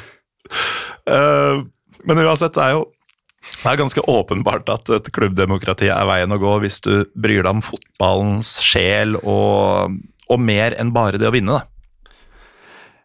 Ja, så da er spørsmålet liksom, hvor kommer det forslaget fra? Og, og liksom det, det er nesten så du må gå bort ifra en sånn action bias. Altså sånn Det er ikke sikkert at det handler om at da i dette tilfellet, altså NFF-styret, men jeg tror nok også veldig mange av disse AS-folka pusher veldig hardt på for å få mer makt. Altså disse, Det er jo veldig mange, altså om det er i Molde, hvor AS har betydelig makt, Vålerenga har, alltid hatt betydelig makt i, i AS. Um, om det er en sånn action bias, liksom, om det skjer en endring fordi vi tror det blir bedre, eller om det rett og slett er altså, mye nærmere korrupsjon. da. Ja.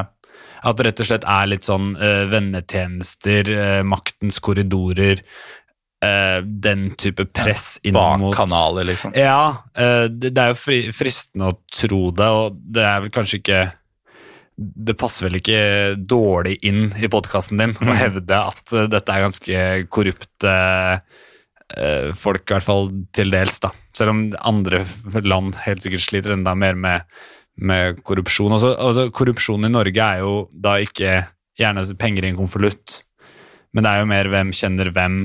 Altså Mm. litt sånn eh, tjenester, nettverk. Uh, man vet at hvis man vedtar en ting som altså Så venter det kanskje en belønning i andre enden. Altså sånn type eh, korrupsjon, da. Ja, Down the line så har du en eh, annen toppjobb i Ja. firmaet til han ene som ønska at du skulle stemme den veien. eh, Ja. Den type ting. Eh, men eh, vi må videre, Lars. eh, selv om vi sikkert kunne snakka klubbdemokrati til uh, Kyra kom hjem. Eh, og det gjør de ganske tidlig i Lillestrøm, ifølge Vålerenga-supportere. Eller seint, jeg veit ikke åssen dette funker.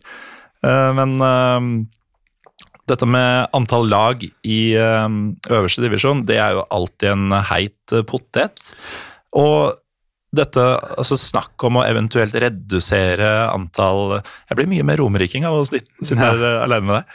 Eh, i, eh, I øverste divisjon, eller Eliteserien, det er jo noe som gjerne har sammenheng med denne myten som igjen Daniel Strand delvis demonterte for noen uker siden, eh, om at vi sliter sånn med engasjement og entusiasme og tilskuere osv. Ja, eh, og altså nå var det vel det aller siste uh, utspillet var jo dette med sluttspill, men Mm. da var det jo også VG og sånt som kjørte veldig hardt på i intervjusituasjonen. Ja, vil dere helst ha færre lag eller sluttspill?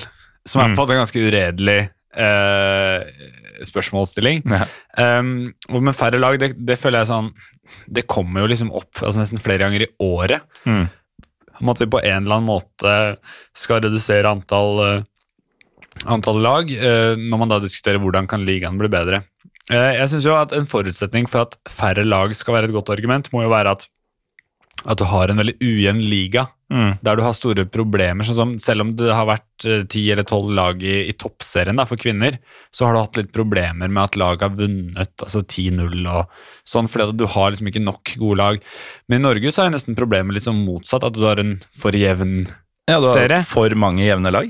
Ja, at det er litt sånn Du kan helt fint rykke opp eh, fra Obos via kvalik og hevde deg i Eliteserien, og du kan rykke ned fra Eliteserien og så havne midt på tabellen, sånn som f.eks. Start. da. Mm. Eh, tenkte det var greit å nevne det igjen. Um, Ja. Eller, ja. Det, Ja, nei, det er alltid greit å nevne ja, så- Seds så vi- eh, undergang. Ja, eh, så vi har jo sånn alle slår alle, som er liksom Altså, Premier League er jo på, en måte ikke spennende, for du vet hvem som er topp fire, topp fem, du vet hvilke fem lag som er aktuelle for å rykke ned, eh, du vet hvem som havner på tiendeplass. Altså, Mm. eh, veldig mange ligaer er veldig satt, mens i Norge så er det store forandringer fra år til år og innad i sesongen, og det er kort avstand fra topp til bånn, og du kan klatre mange plasser hvis du bare vinner tre kamper på rad. Sånn. Og jeg husker jo godt fra mm, Rosenborgs eh, dominans, eh, den voldsomme perioden de hadde, at eh, man så til Sverige og så at der var det tre-fire lag de siste par rundene som alle kunne vinne ligaen. Eh, Seriemesteren fra året før var nå nummer åtte, osv. Og, og så visste vi i Norge at eh, den eneste reelle spenninga var Er det Viking eller Kongsvinger som kniper fjerdeplassen, fordi de to førsteplassene var tatt Eller tredjeplassen, da. Og jeg ønska jo av hele mitt hjerte Nå var jo ikke jeg Rosenborg-fan, så det er jo noe med det, da. Men jeg holdt med et hvilket som helst av de andre laga bak Rosenborg. Og jeg drømte om en situasjon à la den i Sverige, hvor det var tilsynelatende håp for alle, og de mektige kunne falle, osv. Og, uh, og den har vi til en viss grad i Norge nå. Altså, Bodø-Glimt kommer til å ta sitt andre strake ligagull. Tenk hvor absurd det ville vært for fem år siden, tre år siden. Og, og Bodø Bodø-Glimt ville ikke vært i den posisjonen, sannsynligvis, fordi at hadde du hatt færre lag Altså Senest i 2018 så havna vel Bodø-Glimt på tolvteplass, eller var sånn par poeng over eh, Mm. nedrykksstreken. Da var de vel nyopprykka òg, var det ikke? Eh, jo. Mm. jo, det var vel det første året de var oppe. Eh, så det er liksom Hvor, hvor hadde Bodø-Glimt vært i dag, da? Med, Mm. med en sånn tolvlagsserie der alle møttes tre ganger, en tilagsserie der alle møttes fire ganger. Um, ja, det gir, det gir en sånn Ja, du, du på en måte forsøker å låse toppfotballen til de som tilfeldigvis er i toppen akkurat i det øyeblikket du mm. innfører den endringen. da. Eh, Og så vil jo de lagene som er gode i det øyeblikket altså Jeg så, så jo Bodø-Glimt uttalte seg positivt til noen sånne sluttspill. mm. og De har blitt breiale der. Ja, det er liksom det er ikke noe grunn til Fordi altså, jeg vil anslå at altså, Bodø-Glimt rykker nok ned i Obos senest 2025.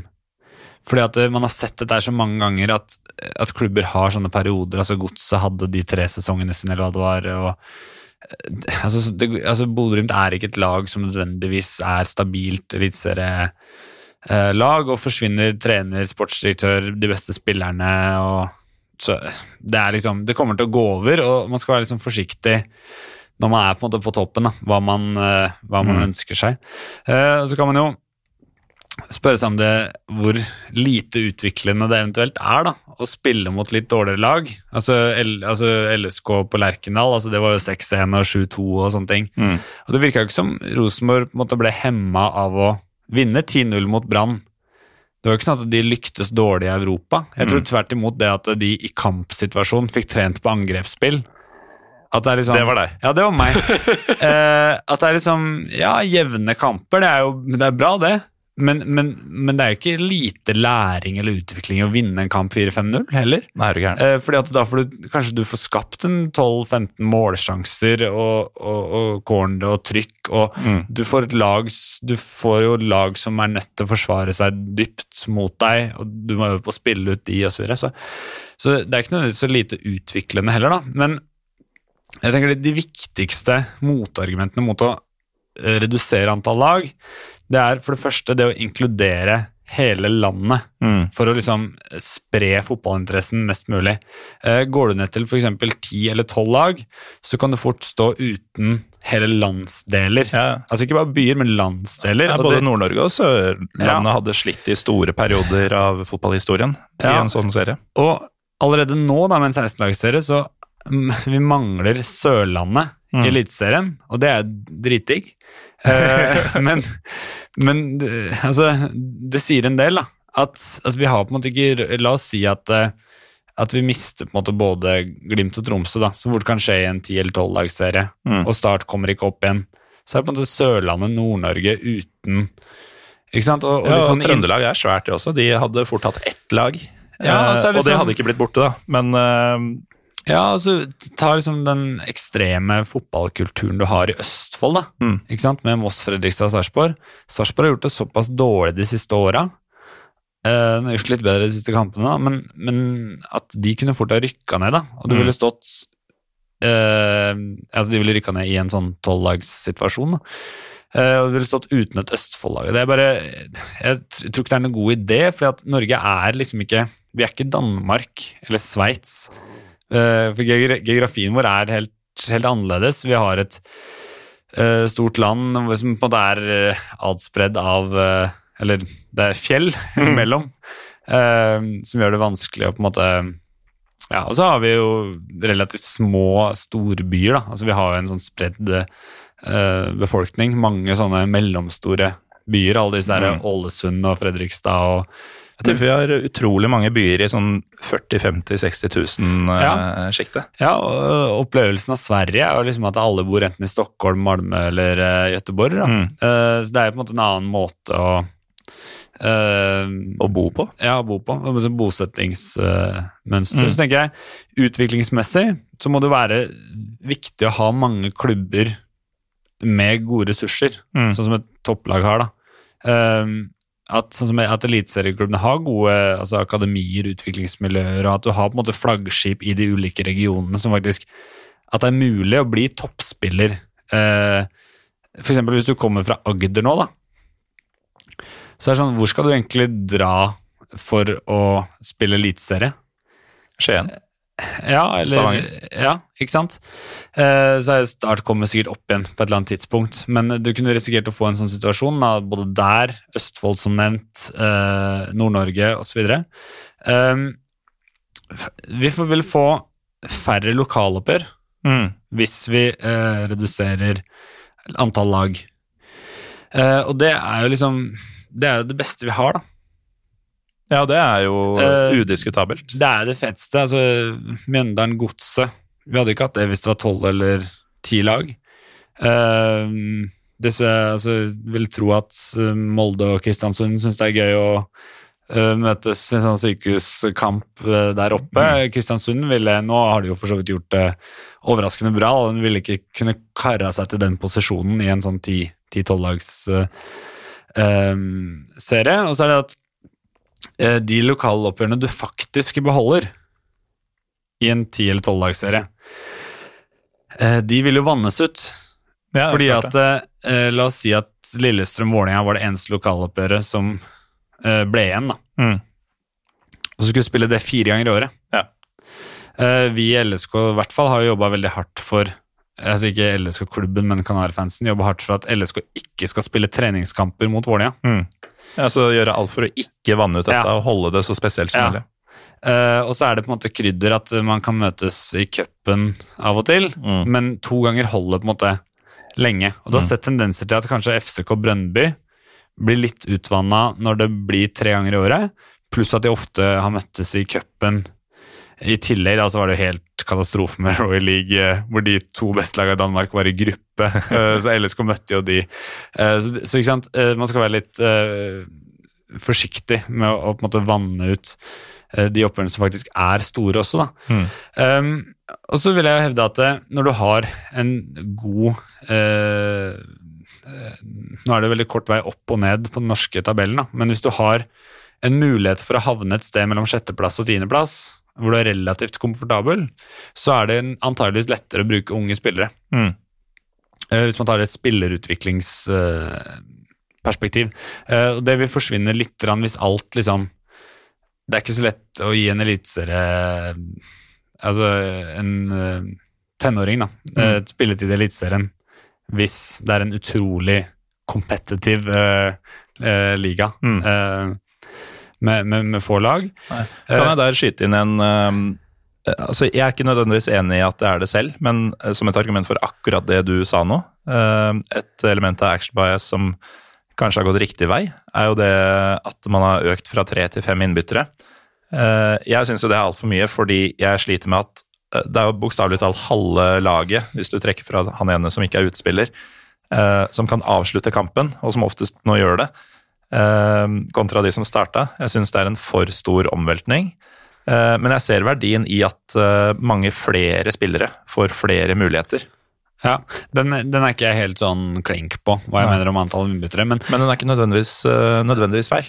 nei, eh, og, og vi ser jo også det at den økninga fra 14 lag til 16 lag i 2009 Mm. har også ført til vesentlig mer spilletid på unge, unge Mm. spillere, for å støtte opp opp under det forrige, forrige poenget. Og så tenker jeg at øh, det med færre lag og Det er liksom de store klubbene altså, øh, som gjerne fronter det, da, ikke sant, storbyklubbene. Og jeg tenker at de kan helt fint klare å si, skjerpe seg litt øh, i en 16-lagsserie også. For jeg tror ikke det er sånn at, at hvis Kristiansund forsvinner, da, så får ikke Rosenborg automatisk større inntekter. At de liksom Mm. ikke, eh, Kristiansund skviser ikke ut Rosenborg. Eller eh, sa, altså, Sandefjord eh, skulle forsvinne, da, så ville ikke nødvendigvis Jotun begynne å sponse Odd. Mm. Så, så det er også et eh, poeng. Og så er det jo sånn at TV-poengene, nei, TV-pengene eh, vil fordeles på færre lag. Eh, men jeg tror at den TV-avtalen vil bli mindre når det mangler store byer, landsdeler i øverste divisjon. At den nasjonale interessen vil svekkes, og du får enda mer den derre søke seg til engelsk fotball. Eh, for det er jo ofte de som på en måte eh, forsvarer seg mest i en sånn eh, Når eh, altså Folk skal ikke trenge å forsvare seg for at de har et favorittfotballag, men, men når det blir hakka på anglofile nordmenn, da, Mm. Hvem skal jeg holde med, jeg som bor i ja. Lom? Ja, at de kommer fra så jævla rare steder alltid. ikke sant? Mm. Disse her som har sånn uh, For eksempel innreda garasjen sin som Anfield Road. da. Ja. Eller Anfield heter det kanskje bare. Det heter ikke Road. det er veien ved siden av. ikke? Ja, uh, samme det. Eh, eh, de folka kommer jo liksom veldig ofte fra litt sånn Spjelkavik og sånn. ja, og det Og hvis eh, du på en måte ikke har noe topplag da, i enda flere av de mellomstore byene, som vi har fryktelig mange av i Norge, Mm.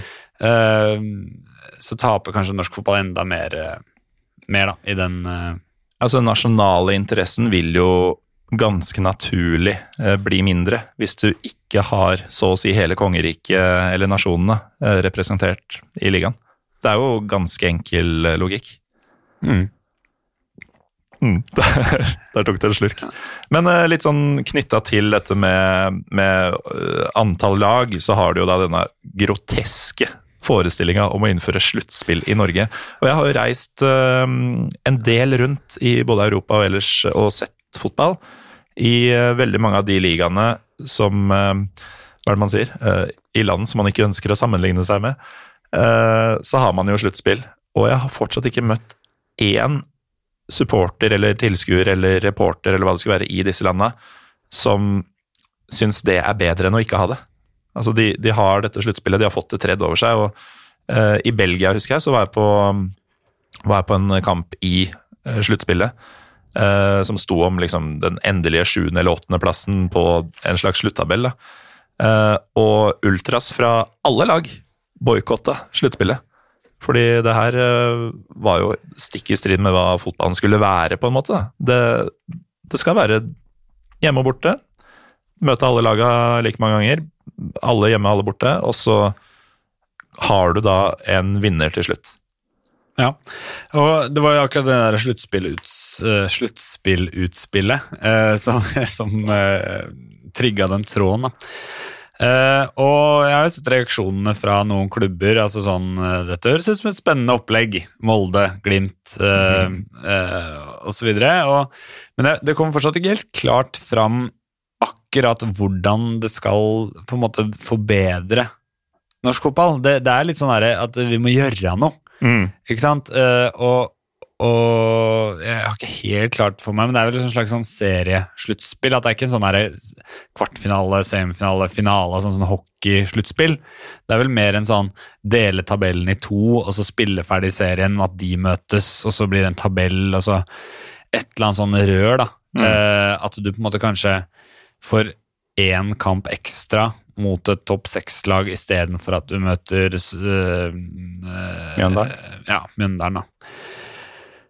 Og at det, det bærer jo veldig preg av en sånn quick fix. At det liksom sånn der, ja, vi gjør det her, så blir sikkert fotballen veldig mye bedre.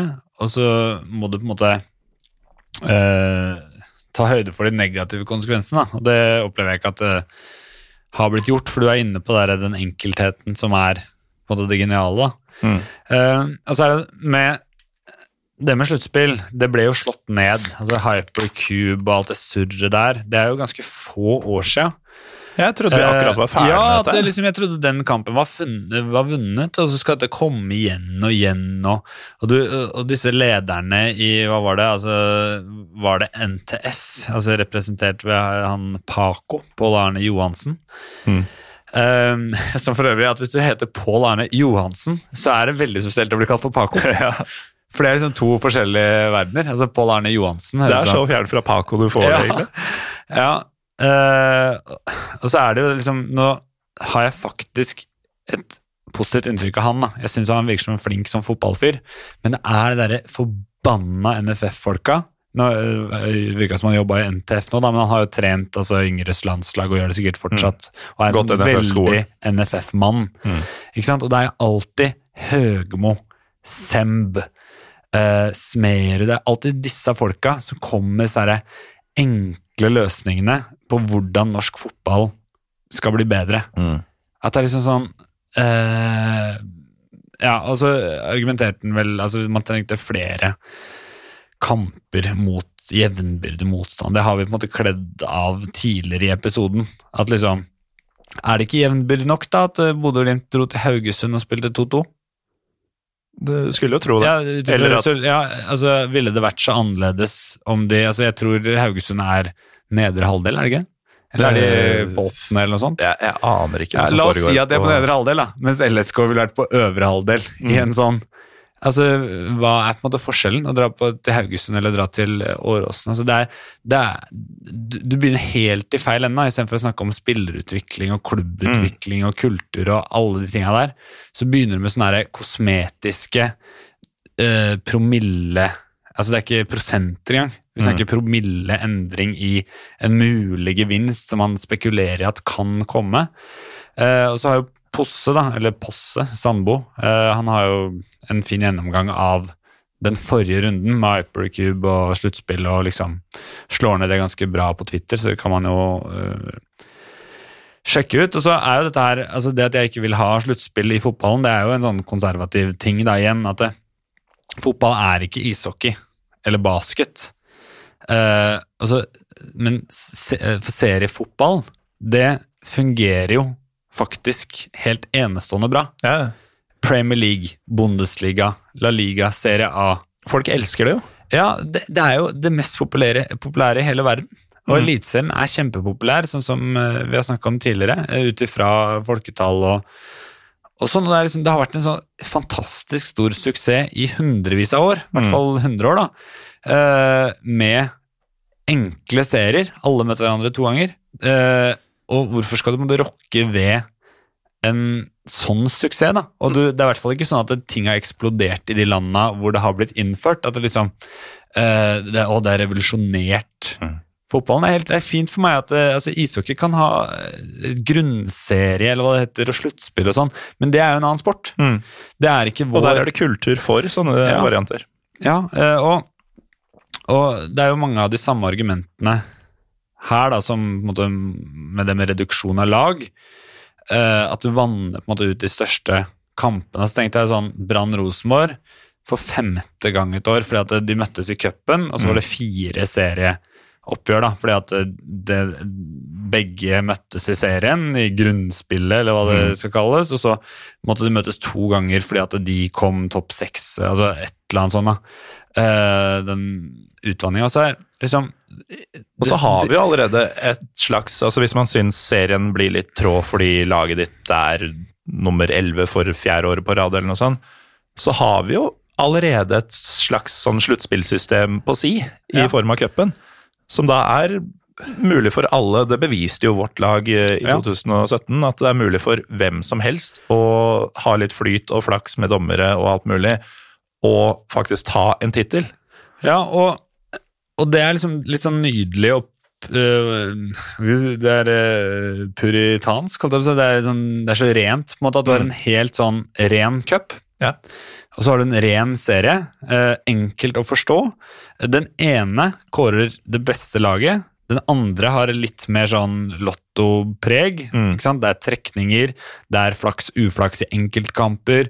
eh? Så til og med et lag da, som Lillestrøm kan finne på å, å raske med seg en, eh, Mm. Eh, en tittel. Og så spør jeg eh, at når folk sier at dette skal bli mer spennende Altså, jeg, jeg Eh, kjøper argumentet i den grad at du går inn i siste to serierundene, og så vil jo da laget på si, henholdsvis 7. og 8. plass, da, som kanskje hadde lagt inn åra for sesongen og allerede dratt på botur, på en måte, eh, kan finne på å gi jernet for å få eh, øvre sluttspill heller enn nedre sluttspill i siste runde. Men det er ikke verdt investeringa for nei, eh, og, fordi, altså, Er det noe som er mer spennende enn seriefotball? da? Altså, Hvert år da, så har du stort sett da, at det er superspennende i toppen. Og så kan det hende et år at, at et lag avgjør tidlig, men da, selv da har du på en måte den derre fire runder før slutt, se- seriefinale, Mm. de to topplagene, og så avgjør den. Da har det på en måte vært spennende i en veldig stor del av uh, sesongen. Og i Eliteserien så er det jo omtrent aldri avgjort hvem som rykker ned Mm. før siste runde. Eh, Da LSK rykka ned, eller altså havna på kvalik, da, så var det fire lag på samme poengsum. Ett av dem rykka direkte ned, ett på kvalik, og to holdt seg. mm. Dette er jo fantastisk Seriefotball er jo så spennende, og det er en fantastisk dramaturgi. Serieavslutning i 04 og 05, for eksempel. Altså, det er jo det mest dramatiske som har skjedd i, i Ja, vi fikk det to år på rad. Altså. Ja. At det kokte inn i siste serierunde. og ja. Ja. Det var snakk om enkeltsituasjoner begge åra. Ja, og For meg så er jo seriefotball, der alle møtes to ganger, det er liksom grunnideen i fotball. Mm. Altså, det er fotball. Og når det da har blitt verdens mest populære idrett, og Norges mest populære idrett, så skal du være jævlig forsiktig med å rokke med grunnideen Mm. i spillet fotball.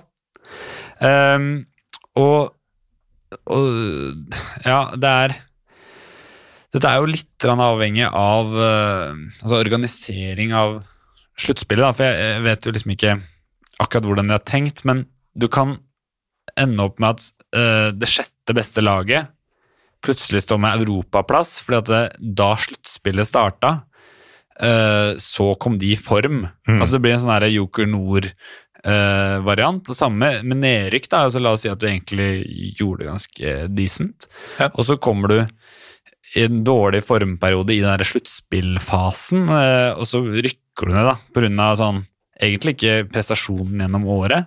Etter at du egentlig har fullført en serie Ja. og, um, og gjort det Ja. mye bedre enn en, en og det ender med at uh, og, og som sagt, så, så for at det argumentet her skal være gyldig, så, så kommer det an på organisering her. Men det har jo vært eksempler på både en sånn type sånn cupsluttspill eller sånn storserievarianter, altså sånn forskjellige løsninger. Og vi så også I Obos-ligaen så var det en periode at eh, tredje, fjerde, femte, sjetteplass var liksom, det var det samme. mm, Eh, det vil si at det, det spiller ingen rolle om du kommer på tredje eller sjetteplass. Eh, så det var sånn bingo-greie. Nå har man faktisk heldigvis rydda opp i det, sånn at nå er det en kjempefordel å komme tredje, og så er fjerde bedre enn femte og femte bedre enn sjette. sånn at det faktisk er Og det, det synes jeg er en viktig grunnverdi i fotball, at prestasjonen din, eh, den objektive prestasjonen din, på en måte da, skal resultere i uh, en slags belønning. utkomme, holdt jeg på å si, altså outcome, eh, resultatet. Utfall. Ja, utfallet. utfallet. Eh, så dette her høres ut som et sånn forsøk på å gjøre det litt mer tilfeldig og litt mer uh, bingo, da. Og det har vi allerede nok av i, i cupen. Ja. Så har vi jo da dette med at eh, Nå har jo flere av de tinga vi har diskutert nå i det siste, både dette med klubbdemokrati, var uh, antall lag i divisjonen, sluttspill. Det er jo, som du sier, disse enkle variantene for at fotballen skal bli bedre, ifølge de, disse jævla NFF-folka, som du kalte dem. Uh, og det har jo vært diskutert en annen endring også, nemlig å vrenge hele seriesystemet. Ja. Uh, Altså fra, nå, nå starter vi jo på våren og avslutter holdt på å si på høsten. Vi avslutter jo på vinteren nå de siste par åra, men uh, vi spiller da fra tidlig på året til seint på året. Og så er det jo da de som sier at nei, det hadde vært bedre for oss å snu på dette. At vi spiller fra si august til desember, og mm, så igjen fra vet faen jeg, eh, februar til april eller mai, eller åssen dette Ja. skulle fungert. Ja. Tried and failed? Er det ikke Jo, jo det, det er faktisk et godt poeng. At vi har jo hatt eh, høst-vår i Norge, og så endra det til vår-høst. Uh, uh, og det er et eksempel faktisk som vi kunne nevnt i stad. At vi har gjort positive, gjennomtenkte endringer med gode argumenter tidligere. Mm. det ble jo lagt om da fra at man spilte 61-62 eh, høst-vår, Mm. til at man spilte en sånn eh, sommerhalvårssesong fra 1963. Ja. Um, og det var nok veldig gjennomtenkte gode argumenter for hvorfor eh, man gjorde den uh, endringa. Men jeg tenker at dette her er sånn eh, Her dukker også den uh, følge utviklinga. Mm. eh, eh, argumentasjonen, som er helt håpløs. Og, eh. Og så er det igjen sånn at det skal gjøre Norge, norsk fotball bedre, men det, det, det eksisterer på en måte ikke noen argumenter for hvorfor. I hvert fall ikke noen forståelige argumenter. Eh, så, så det er et så tvilsom ting å gjøre at du skal ha Altså, du kan ikke innføre et tiltak uten å på en måte være helt sikker på at at det virker, da. Um, og jeg kan egentlig ikke komme på et eneste godt argument for liksom såkalt følge utviklinga, eh, bortsett fra at uh, hvis du kvalifiserer deg til europaspill, da, nå, sånn som vi har det nå, Mm. så skjer det kanskje i november. Ja. Så kan du fint rekke å bli ganske dårlig eh, til neste juli-august. Ja. Uh, hvis serien avsluttes i mai, så er det kanskje mer sannsynlig at, eh, at Du er noenlunde samme ja, lag, At vi kan prestere litt bedre. Eh, bedre cup, da. Så det kan jo være et slags argument, men Men jo, ehm, du kan det kanskje på sikt hvis du kommer deg inn. Men sjansen for å gå gjennom kvaliken når du har hatt sommerferie i et par måneder Der har jo Norge hatt en kjempefordel i Ja. årevis, fordi lagene våre er i matchform når de andre er litt sånn halvgroggy ja. i, eh, i juli-august. Ja, og det var jo da derfor jeg sa at dette er det eneste argumentet for jeg kan komme på. For Mm. akkurat det står jo på motargumentlista mi. Ja. Det med at det, det å være sesong må Det må jo være en fordel. Mm. Eh, Så er det sånn at hvis du da kommer inn, så vil det jo være en fordel utover gruppespill og et eventuelt sluttspill, da. At du da er matchfit eh, gjennom det. Ja, ja og, men jeg tror Rosenborg var én eller to ganger eh, videre fra Champions League, sånn at de måtte spille i februar eller et eller annet sånt. Mm. Og så var, gjorde Molde det i år, faktisk. Mm.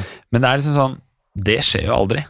Nei. Vi kan ikke organisere fotballen ut ifra sånn freak accidents. Eh, og eh, så, så, så bortsett fra det, så finnes jo ikke e-cup som et sånt argument. Men de gode argumentene for å spille på sommeren er at banene må brukes når de er best. Mm. At det er det én årstid man skal spille fotball i Norge, eh, så er det om sommeren. Eh, det viktigste vi har i norsk fotball, det er publikum.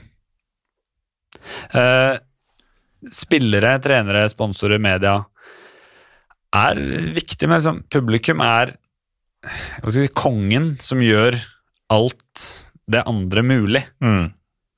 Ikke sant? Eh, Altså Medieoppmerksomhet, sponsoroppmerksomhet og sånn ville jo ikke vært i nærheten av den samme uten publikummet. Nei, den, ville ikke Altså, en lille spiller på Lillestrøm hadde ikke kunnet leve av fotballen hvis det ikke var folk på tribunen. Mm. Det hadde ikke vært noen sponsorinntekter eller noen eh, billettinntekter, åpenbart. Mm. Eller noen medieinntekter eller sånne ting. Så publikum er fundamentet eh, som alt det andre bygger på. Og når foretrekker publikum å gå på kamp? Det er i hvert fall ikke i desember, februar, mars. Ikke sant? Tenk deg å dra på bortekamp mot Ranheim i januar.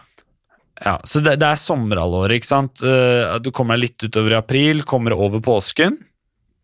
Og så ut sånn september, kanskje oktober, så er det ålreit å gå på kamp. Mm. Utover det så må du på en måte presse deg, ha store anledninger, sånn som derby 7. november. Funka fordi det var en stor nok happening. Mm. Men sånn i utgangspunktet så er det mer fristende å sitte hjemme eh, når det er eh, to grader og regn eh, i, i november. Eh, så eh, Ja, det er liksom Man trenger kanskje ikke de, eh, så flere argumenter enn en de to. At eh, Mm. da er banene gode, eh, og dette er en publikumsidrett, utendørsidrett. Ja, og Et supplement til det med publikum er jo at uh, sommeren er jo den ene tida i året hvor norsk fotball ikke konkurrerer mot andre ligaer. Altså Det er den tida hvor folk som uh, Hvis de vurderer uh, La oss si du bor i Bergen da, og drar på noen brannmatcher i løpet av sesongen, men ikke alle. Du er ikke die hard. Men du, det du er die hard, er Newcastle. Eh, Så du ser jo alle Newcastle-kampene på TV, eh, og kolliderer de med sånn Brann Mjøndalen, så driter du i Brann Mjøndalen. Kolliderer Newcastle med Brann Rosenborg, så drar du kanskje på Brann Rosenborg. Eh, Men hvis du er den fyren, og det ikke er noe annen fotball, så øker jo sannsynligheten for at du drar på Brann HamKam ganske kraftig. Mm. Eh, uten at vi ser nødvendigvis at tilskuertallene i norsk fotball stiger til værs på sommeren, så er det den tida av året hvor vi har muligheten da, til å virkelig dra fram vår fotball som egentlig det eneste alternativet. Mm. Holde fotballinteresserte folk som gisler.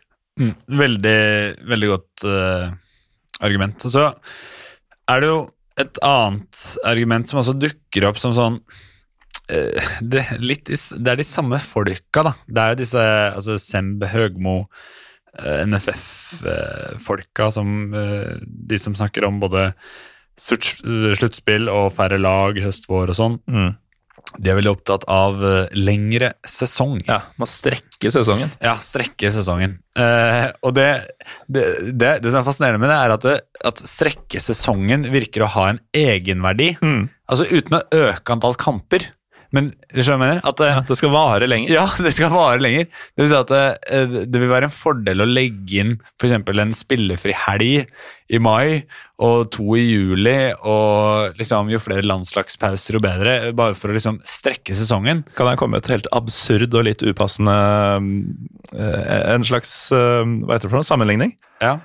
Det er jo som å la Bare la et samleie vare i evigheter. eh, og evigheter bare fordi du har lest at det skal helst ikke være over så fort. Men bare ikke nødvendigvis ha noen flere liksom, orgasmer eller uh, høydepunkter. Det skal bare vare for å vare.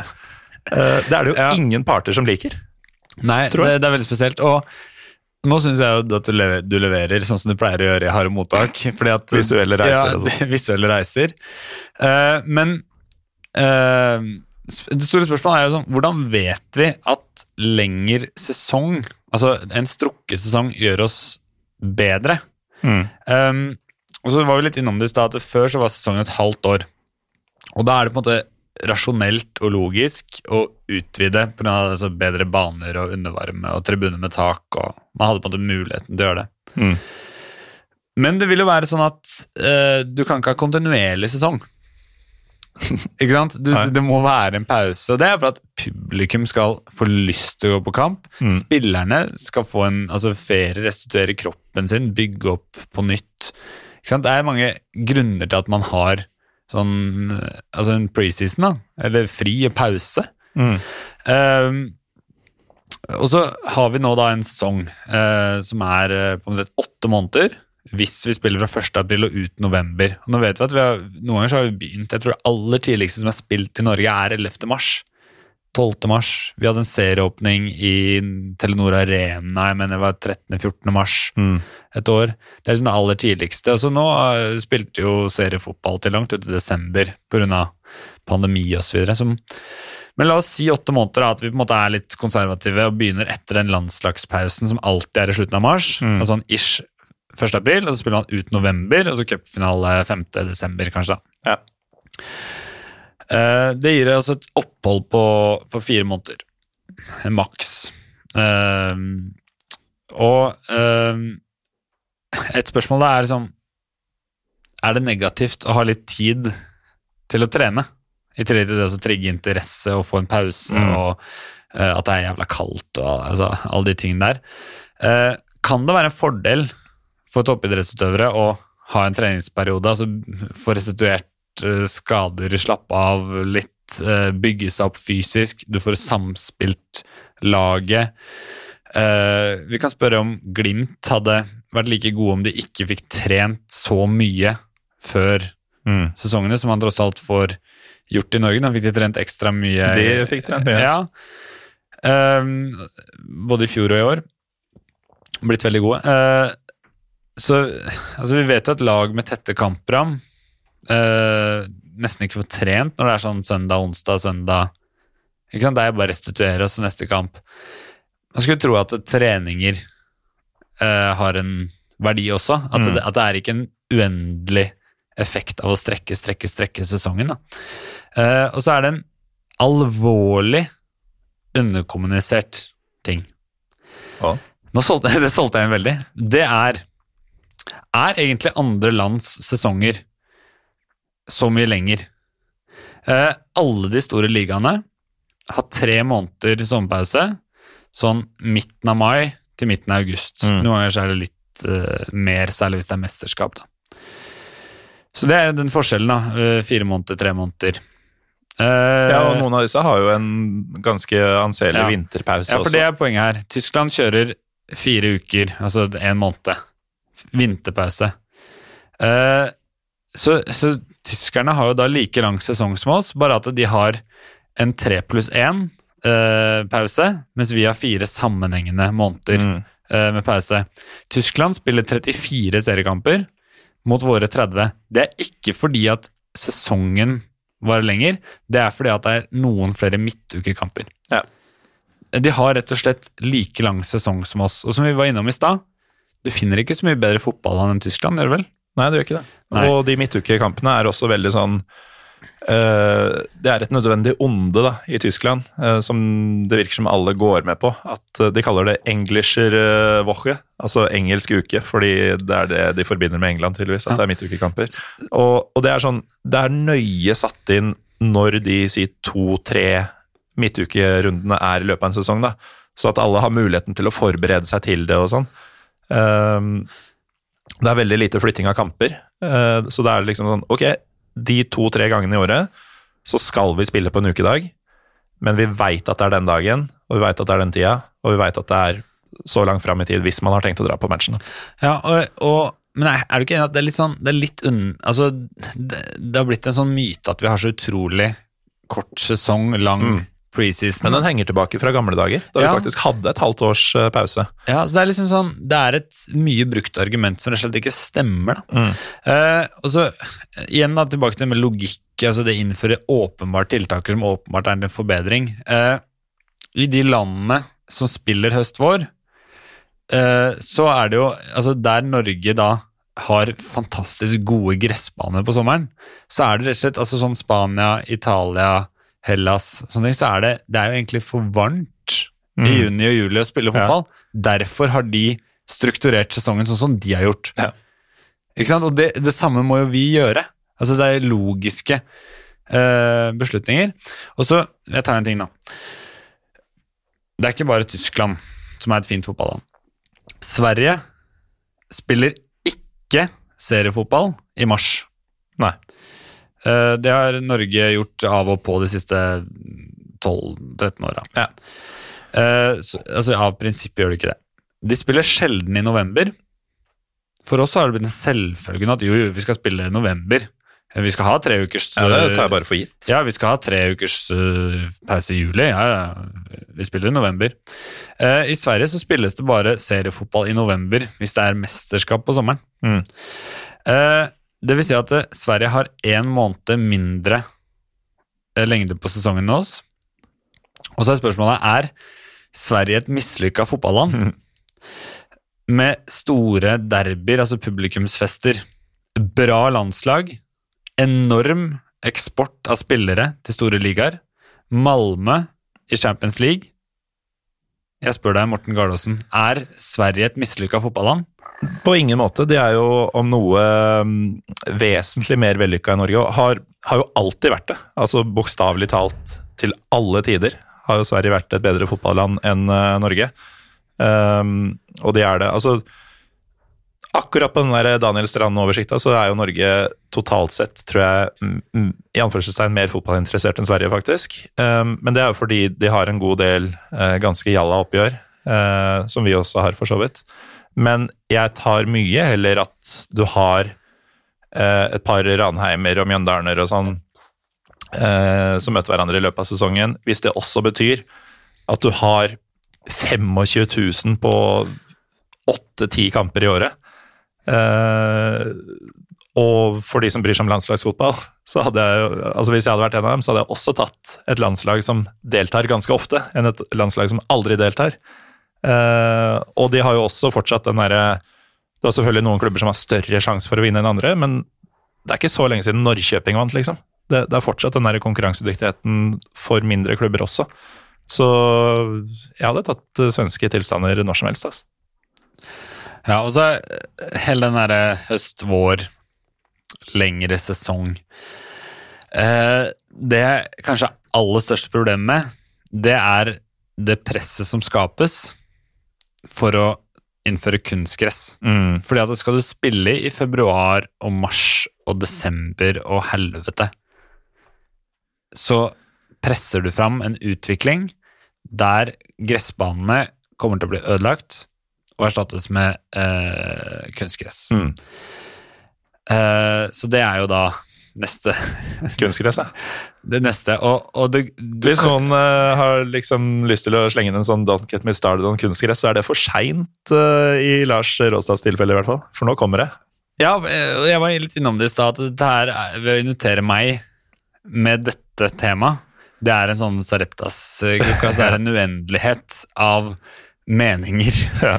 Uh, og er det noe som på en måte ligger mitt hjerte nært, da, så er det gress. Og denne avskyen mot, eh, mot kunstgress. Mm. Og, Men uh, bare for å ha det på det rene, du hater ikke alt kunstgress? nei, nei, jeg digger kunstgress. Ja. jeg jeg Vi, skal, vi har spilt fotball mot hverandre og med hverandre på kunstgress mange ganger. Jeg, jeg elsker kunstgress. Uh, nå ble jeg veldig selvmotsigende, så det blir en sånn slags disclaimer. da, At jeg er enorm tilhenger av kunstgress for eh, barnefotball, ungdomsfotball, breddefotball. Til og med andredivisjon, små klubber i Obos-ligaen som ikke har ambisjoner om å rykke opp. Treningsfasiliteter. Ja, ja. Eh, ikke sant? Hele den vintersesongen. altså Mm. Bygg gjerne en hall med kunstgress eller et eller annet sånt. Mm. Eh, selv om du er topplag. Det er ikke det det handler om. Eh, for kunstgress er en fantastisk gave til norsk fotball. Eh, det gir så utrolig mange muligheten til å trene og spille eh, på et brukbart underlag. Eh, så min holdning til kunstgress det handler om profesjonell fotball Mm. på elitenivå. Jeg snakker om de 20-30 stadionene eh, der det spilles profesjonell fotball foran et stort publikum, med inntekter fra billetter, sponsorer, media. Og akkurat antall klubber, det kan man på en måte Ja, det kan folk telle seg fram til Ja. sjøl. eh, Og det handler ikke om klubber nord for Trondheim, eh, som sagt i stad. Mm. Eh, For meg så er egentlig Og det er litt sånn eh, irrasjonelt, på en måte, da, men eh, for meg så er det aller viktigste det er følelsen av gress. Mm. Det er, følelsen av å gå inn på Åråsen, se på gressmata, få en varm følelse inni meg. Du får det av å se på gress? Ja. Eh, og det, det, det er kanskje litt sært, fordi at eh, dette har jo på en måte vært med meg fra da jeg, jeg var liten. Mm. At eh, da jeg var ti år, i år 2000, så bytta LSK gress på Åråsen. Eh, og da hadde jeg medbrakt eh, hageredskaper Du tok med deg gress, og en bærepose og var ute på matta, gravde opp eh, la oss si en eh, 30 ganger 30 eh, centimeter gressflate eh, med, med masse jord og røtter og alt sånt. Mm. Sykla hjem. Selvfølgelig sykla med den der jævla posen. Eh, gravde dette her ned, eh, eller planta det heter det kanskje, eh, i plenen hjemme. eh, og da fikk vi altså integrert Åråsengress eh, i, i Skedsmogata. Trodde du akkurat at det å plante noe eh, heter å grave ned noe? Jeg måtte jo grave et slags høl. Du, du har heller ikke hage hjemme, Lars? Eh, jo, altså sånn indirekte, men det er ikke min. Nei. Uh, For jeg vet heller ikke noe om uh, ha hagedrift, holdt jeg på å si. Men jeg, men jeg vet at det heter plante når du graver ned noe og lar det være der. For å vokse. ja. Men nok om det. Nei, så, så på en måte gress, det er liksom uh, Hender jo i perioder hvis jeg har veldig god tid at jeg kan dra og se på LSK trene, f.eks. Mm. Uh, og så kanskje gresset akkurat er uh, klipt, kanskje det har regna litt. Altså den derre lukta, uh, synet Det er en sånn følelse som kanskje ikke kan begrunne sånn rasjonelt, men det er, det er også den tette assosiasjonen at Åråsen er gress, gress er Åråsen. Gress er fotball, fotball er Mm. gress. Det er på en Ja. måte den sporten jeg elsker, den spilles på gress. Ja, det omtrent eneste laget i Norge som spilte på kunstgress da vi vokste opp, var Ja. jo Skjetten. Eh, Og det var Ja. sånn freak-opplegg. Ja, og Mens så er det- gress var selvskrevent på ethvert Ja. stadion. Men da jeg vokste opp, da, så, så drømmen var jo Altså, jeg, jeg visste jo på en måte innerst at jeg aldri kom til å bli noe god i fotball, men drømmen var jo å spille Altså for min del da, på Åråsen, men det kunne også være altså, på Old Trafford eller Ullevål. Så var det på en måte en gressbane du så for deg. Mm. Ikke sant? Ja. Eh, og en sklitakling og grønske på shortsen. Og Mm. det, det, er så, det er ingen barn som ligger og drømmer om å spille på en eller annen kunstgressbane.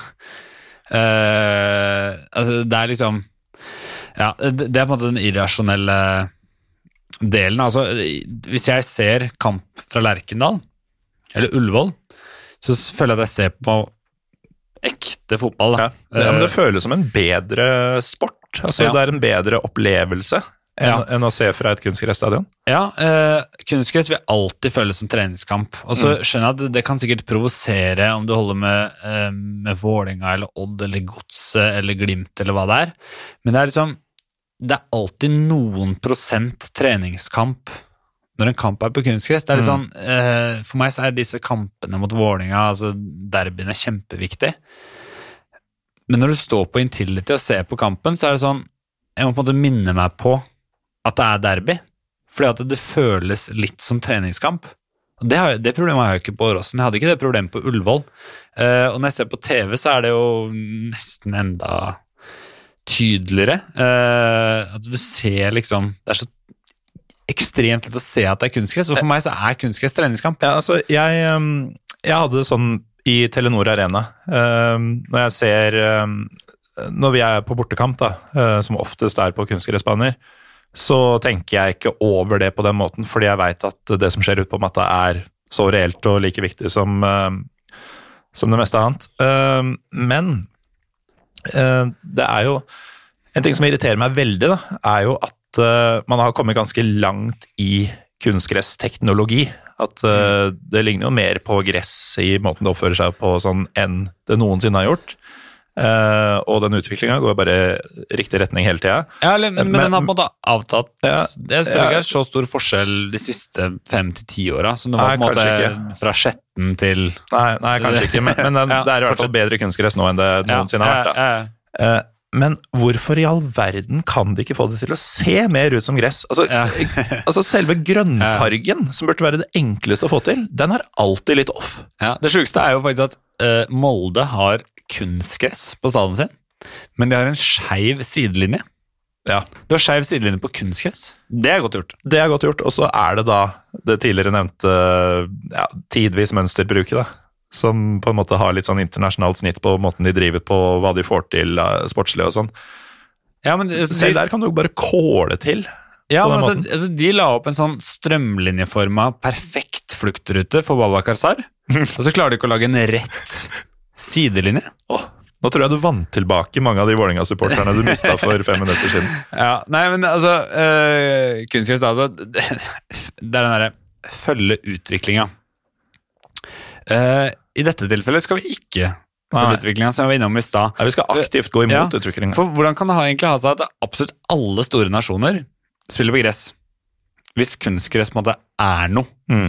Uh, hvorfor uh, sier Ajax, eh, PSV og Feyenoord fra seg TV-penger for å legge om til eh, Altså fra kunstgress tilbake til gress på banene til eh, de, Andre mindre, ja, Mm. til de mindre laga? Hvorfor spiller landslaget på gress? Mm. Hvorfor, hvorfor må landslaget låne altså, Åråsen og treningsbanen til LSK? Ikke sant? Hvis kunstgress måte er noe. Altså, eh, det, for det føler jeg er første steg, at alle må bli enige om at gress er det beste. For det, det er faktisk folk som mener at kunstgress på en måte er noe, da. At det er sånn uh, like bra eller bedre eller Altså Man har fått helt sånn skylapper. Altså Ja, vi, må, vi må anerkjenne at uh, at hvis du skal ha en du, Dette tror jeg jeg har brukt som en sånn rangering før, men at en fotballbane kan være helt opp til terningkast seks. Mm. Men terningkast fire, fem og seks er jo forbeholdt gress. Ja. Ikke sant? Så, Så- så, en perfekt kunstgressbane er terningkast tre. Ja. Så den den er jo ikke på en måte Det, det vil aldri være bra. Um, så, så det vil jo være et sånt uh, første steg. Da. Så tenker jeg uh, klima Uh, At liksom vi bor så langt nord og alt det der. eh, det er ikke et argument, fordi som nevnt, Glimt og Tromsø kjør på kunstgress. Eh, det, det dette handler om, er jo det alle de andre klubbene. altså Det handler om de fantastiske banene til Fredrikstad, Mm. Start, Viking, Molde, som bare forsvant. Ja. Eh, Altså, spesielt Viking eh, og Fredrikstad for så vidt er jo stadioner etter mitt hjerte ja. eh, på så mange måter. Og det er klubber som Det er lenge siden Fredrikstad har gjort det av åpenbare grunner, men det er klubber som har potensial til å fylle stadion ganske ofte. Som har en voldsom fotballinteresse, fotballkultur i byene sine. Eh, I det hele tatt ganske kule klubber, da, sånn objektivt sett. Og så bare raserer de alt ved å ha det plastunderlaget i midten der. Ja, og, men, Og det er helt unødvendig. Ja, og så problemet er at banen var jo der. Det var perfekte baner. Ja. Og så har vel alle disse klubbene hatt eh, noe sånn et dårlig år. Ikke sant? Så du, av og til må du skifte gresset, ikke sant. Mm. Men tar du Molde, da, som hadde vel De hadde en veldig dårlig bane i sånn 2011 eller 12 eller noe sånt før de bytta. Men de hadde jo en fantastisk bane etter at de bygde nye Molde stadion, 98, ikke sant? i mange, mange, mange år. Mm. Um, og, så, så banen har vært der og fungerte helt ypperlig, og så har de tatt bort. Og når du nevner teknologi da, og kunstgress, teknologien går jo framover Mm. på gress også, og at man kan sy inn eh, noe sånn kunststrå for å forsterke, og liksom hva slags gjødsel og gresstyper og alt sånn. Og klima jobber heller ikke mot, ikke sant, eh, ved at du får kortere vintre og, Mm. og, og den biten der, da. Så det er i sum mye lettere å ha og vedlikeholde en gressbane nå enn det var da mange av disse klubba tok steget vekk fra gress. Ja, og så kan jeg på en måte ikke gå herfra uten å ha liksom tømt meg litt uh, når det gjelder, eh, når det kunstgress. Jeg har, har noen flere ting, og en av de er økonomi. Uh, det er ikke nødvendigvis dyrere med gress. LSK mener at det er billigere. Mm. Uh, og så er det jo Og LSK kan ikke bare si sånn fordi de har så mye penger uansett at det spiller Nei. ingen rolle. Nei, nei, Altså, og. Og, og LSK er liksom en klubb som har både utendørskunstgress, innendørskunstgress, eh, masse gressbaner. Altså, skulle tro de ja, visste hva de, hva de Mm. snakka om. da.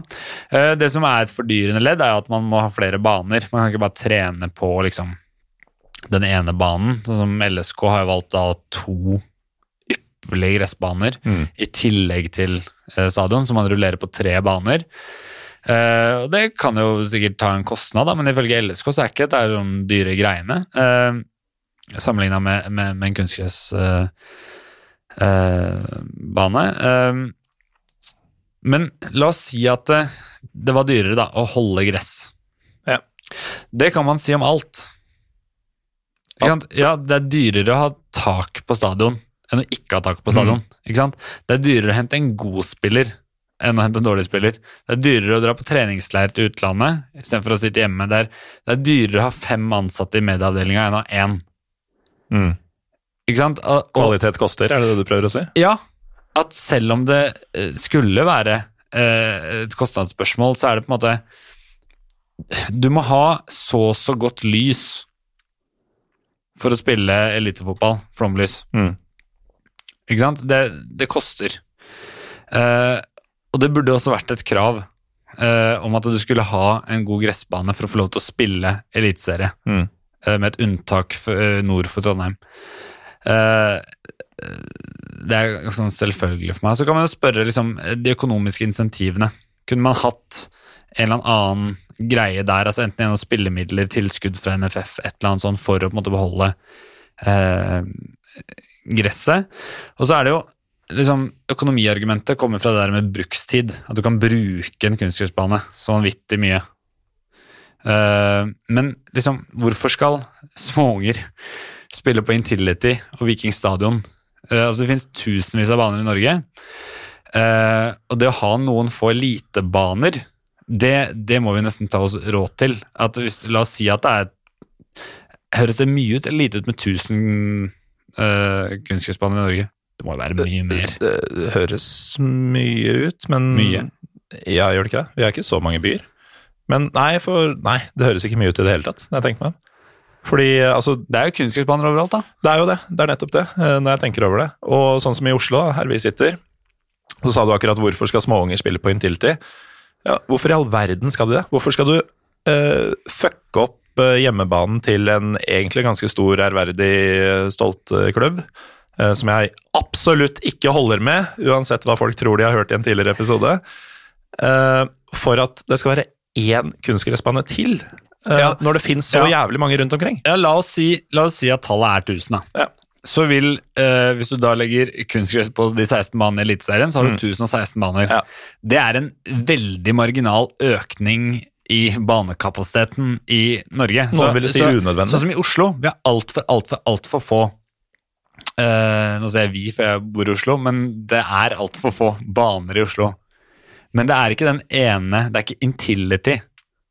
Ikke sant? Poenget er at det skal bygges Det burde blitt bygd 20 nye baner i Groruddalen. og 15 eh, på Søndre Nordstrand. Ikke sant? Det er ikke den ene banen Uh, som Vålerenga spiller på, som på en måte skal løse banekapasiteten. Og hvis, man, hvis det er veldig viktig da, når du bygger ny stadion at du skal ha større banekapasitet, så kan du bare bygge en ekstra kunstgressbane altså ved siden av stadion Ja. eller i nærheten. For det er ikke sånn at LSK og Rosenborg ikke har kunstgressbaner til yngre lag. Uh, altså, uh, og sånne baner som skal brukes mye, får man spillemidler til. Mm. Så det er en mye, mye lavere kostnad, da. Ja. Uh, fordi at Norsk Tipping dekker mye, da.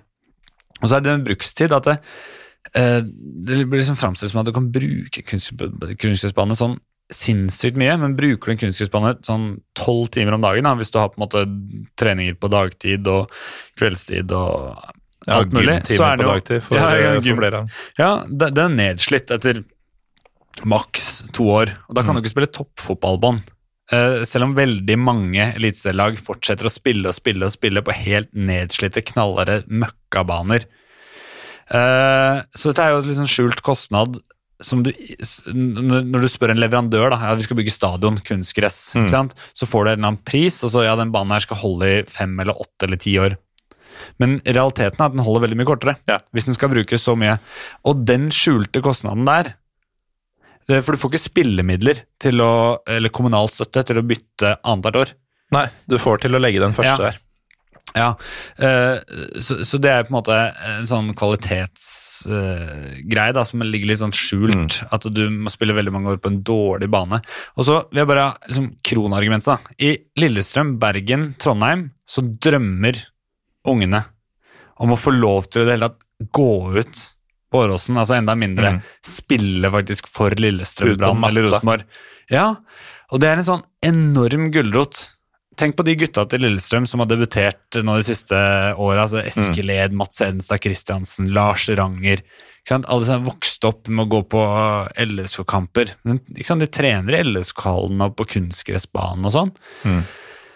Men drømmen er å få spille på Åråsen, på den fantastiske eh, gressmata der. Og det, er det like magisk, da, å debutere for Strømsgodset eller Start du har spilt på den banen som hundrevis av ganger? Ja, det er greit at det er litt mer publikum. Mm. Kanskje ikke i Starts tilfelle, da, men eh, Det er liksom unger i Manchester. Ja, men det, vi snakka litt tidligere om utvanning av derby. ikke sant? Ja. Eh, Med, Ja, utvanning, ja. det er utvanning av Hva skal vi si Selvfølelsen av å endelig få det til. Endelig få debutere for laget ditt på dette stadionet. Når du Ja, du har jo brukt opp allerede. Ja, altså unger i, som jeg begynte å si da, unger i Manchester de spiller jo ikke G13-kamp på Old Trafford. Det er som hele poenget. At det skal være eksklusivt. Det skal Mm. ikke være for alle mulige folk, da. Um, og så er det jo Dette er jo litt sånn ikke fotballfaglige argumenter, da. Men hvis vi kan se på litt sånn fotballfag som jeg også interesserer meg for, sånn uh, utrolig nok, uh, så er det sånn at uh, norske spillere, hvis du tenker en spillerutviklingsperspektiv, Mm. de, de må lære seg å spille på gress. På, på et eller annet tidspunkt. Ja, hvis de skal spille i en ordentlig liga som Mm. har en overvekt av gressbaner, eller spille på landslaget, ikke sant. Det kommer ikke til å være VM på kunstgress. Sant? Hvis Norge en gang skal komme seg til et mesterskap. Så, så det må jo alle på en måte være enige om at på et eller annet tidspunkt så må du lære deg å spille på gress. Mm. Og det tidspunktet det må være seinest altså når du skal begynne å spille Obos, eller i hvert fall Eliteserien. Så hvis du snur på det, altså hvis alle la kunstgress, så ville du endt opp med spillere som aldri har spilt på det underlaget de på en måte skal videre til Ja. i internasjonal fotball. Og det på en måte viser denne absurditeten i å legge flere og flere og flere kunstgressbaner. Mm. For det er ikke den der ene eller to at liksom Glimt eller Tromsø har kunstgress, men det er sånn når, å, når det blir unntakene som, Som står står på gress. gress. Ja, Eh, og, og det absurde er jo at dette er en utvikling som også er litt sånn her eh, i det derre norsk fotball må bli bedre på et vis, eh, Trond. Eh, men som helt åpenbart, da, hvis man følger din eh, retorikk her, er en kjempebjørnetjeneste for utviklinga av norske fotballspillere. Ja, fordi at vi, vi må anerkjenne at det er en forskjell på gressfotball, eller fotball, da, og, og kunstgressfotball. Eh, det krever mer å kontrollere ballen, Mm. fordi at det er ujevnheter på en gressbane som ikke er på en kunstgressbane. Ting går litt treigere, man får dårligere tid. Det, det fører til flere dueller, det er en mer fysisk idrett.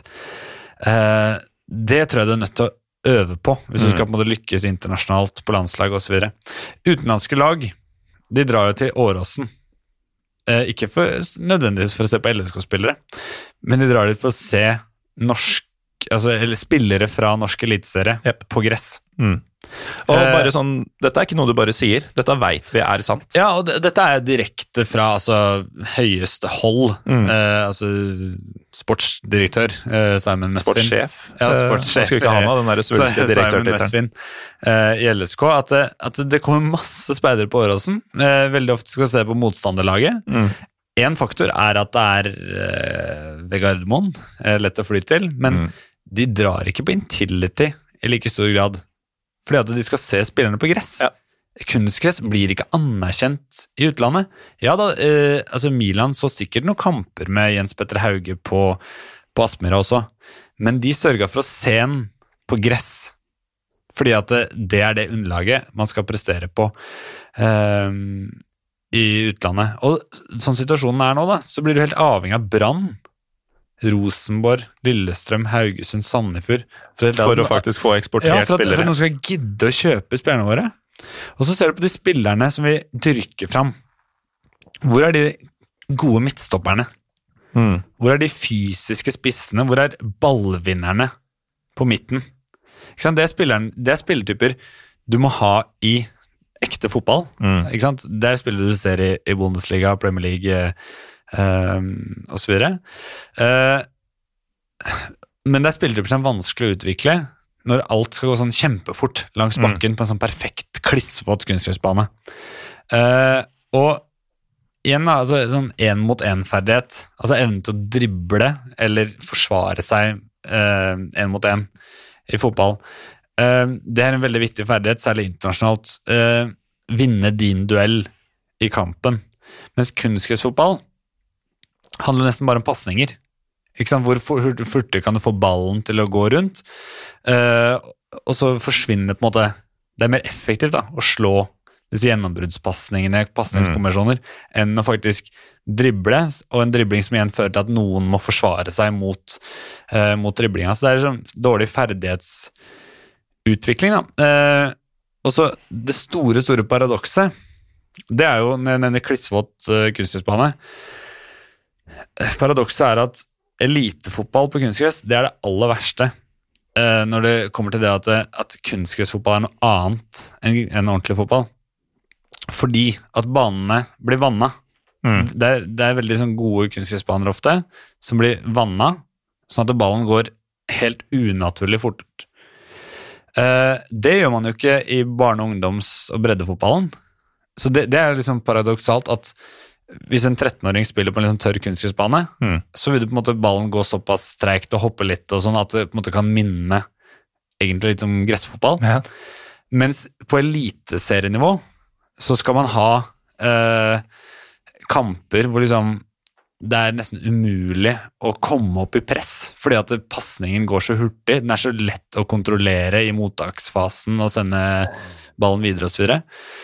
Uh, morsom lyd. Ja, det, er, det har vært så mange Kanskje av dem i dag. kanskje jeg ikke tåler øl. Uh, nei, altså, så, så Det er jo egentlig paradokset, og det, understreker også hvor konge liksom, kunstgress er for talentutvikling. da. Mm. Uh, at det faktisk en tørre kunstgressbane er jo nesten å foretrekke, sånn sett, for det skal ligne i hvert fall litt på, Uh, på gressfotball. Eh, og så et siste Nå vet jeg veldig mye kunstgress, da, men, Ja, det er på tide. Uh, ja, men det, det siste, siste poenget det er at Norge var jo nummer to på Fifa-rankinga. Rosenborg var i Champions League hvert år. Vi hadde titalls proffer i Premier League. Tippeligaen hadde ganske middels gressbaner. Mye dårligere enn i dag. Eh, så det vi i hvert fall kan konkludere med, er at gressbane var ikke noe hindring eh, vi måtte ta vekk for å kunne hevde oss. Nei, definitivt Eh, ikke. Så, så jeg skal ikke konkludere med at liksom eh, At liksom eh, kunstgress hindrer utviklinga, eller sånn, men det er i hvert fall ikke sånn at de gressbanene vi hadde, hindra oss. Så man kan i hvert fall ikke snu, eh, snu på det. Men heldigvis så har vi en eh, landslagssjef som er helt enig med eh, meg. Uh, Jeg tror han hadde bakgrunn i LSK. Um, og vi kan håpe at han kan banke litt vett inn i resten av gjengen på, på Ullevål, og så ha en positiv innvirkning ja, på liksom, samtalen rundt det med kunstgress norsk fotball. Um, vi kunne jo prate om dette i evigheter, men vi må videre i eh, programmet. Ja, vi må jo det, Lars. Og um, altså, en ting vi ikke har snakka om ennå, men som jeg tror eh, Eller veit, siden du har lagd kjøreplan, eh, kommer, er jo dette med stadionnavn. Og, og ikke minst salg av disse, da. Ja, og det passer egentlig bra når vi er, liksom, er inne på det med kunstgress, fordi at det er jo typisk kunstgress Bastardisering av kule stadioner. Ja, det er typisk uh, kunstgressarenaer. Uh, Mm. jeg liker jo ikke det ordet jeg bruker stadion, men eh, det er jo disse banene som gjerne får eh, eh, sponsornavn, da. Eh, og det handler jo da om altså, Er det faktisk? Det er vel én av de fem-seks uh, gressbanene i Eliteserien som har sponsornavn. Ja.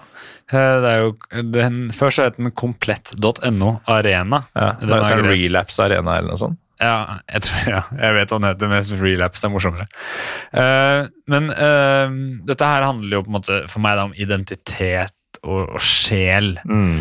Uh, og jeg kaster jo opp ikke sant, av Intility, komplett.no Arena eller Relapse. QR-kode Arena i Stavanger, Ja. som, som faktisk het Viking Stadion. Og bare Ja, endra fullstendig Ja. karakter. Eh, Color Line Stadion osv. Så, videre. så altså, for meg så har ikke klubbens sjel en pris. Mm. Navnet Åråsen har ikke noe pris. Um, men la oss tenke, da, eh, som økonomer, og jeg er jo en, faktisk en halvstudert økonom eh, i tillegg til lærerutdannelsen. Um, eh, du kan se på et stadionnavn eh, som en merkevare. Eh, og hva er verdien av den merkevaren? Ikke sant? Lerkendal, Brann stadion, Marienlyst, Aspmyra, Alfheim.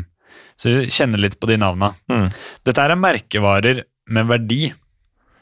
Ikke sant? Hva, hva er eh, verdien av navnet Åråsen? Altså, det er den største merkevaren sammen med Tom Lund og Kanarifansen. Ja, men altså Det er jo en tilleggs, å si gratis tilleggsmerkevare i tillegg til klubben. og enkelte elementer rundt klubben, så får du den på kjøpet. Og mm, den gir jo også ekstra muligheter eller ekstra dimensjoner da, til supporterne i utforming av, av sanger, av eh, supporterutstyr, Ja. TIFO-er, alt mulig, fordi du kan Mm. bruke stadionnavnet.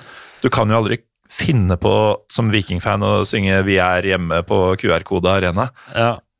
Nei, det er superbra poeng. Og, og sånn som bruke Åråsen som eksempel, da, eh, siden det er eh, vårt merkenavn på stadion. Eh, det skaper inntekter gjennom altså merkenavn. Du nevner f.eks. det med sånn type supportereffekter og, Mm.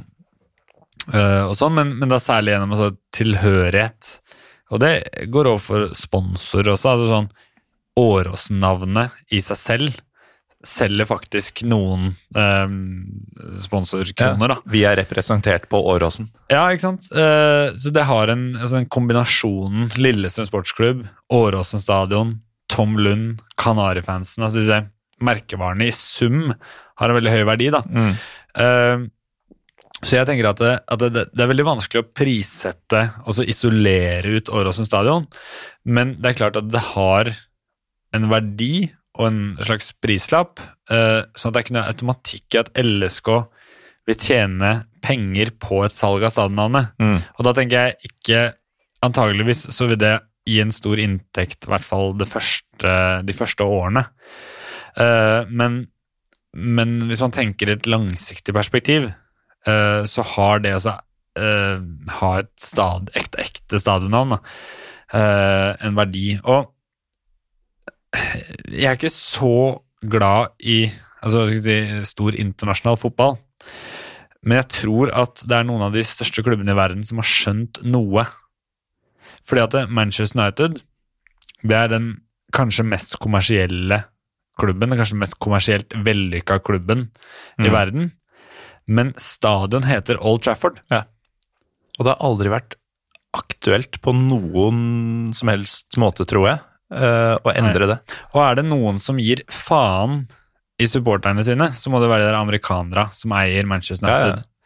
Ikke sant? Så Mm. hvis det hadde lønt seg å selge det stadionavnet, at det het liksom Nike Arena eller et eller annet sånt, så hadde vi gjort det. Mm.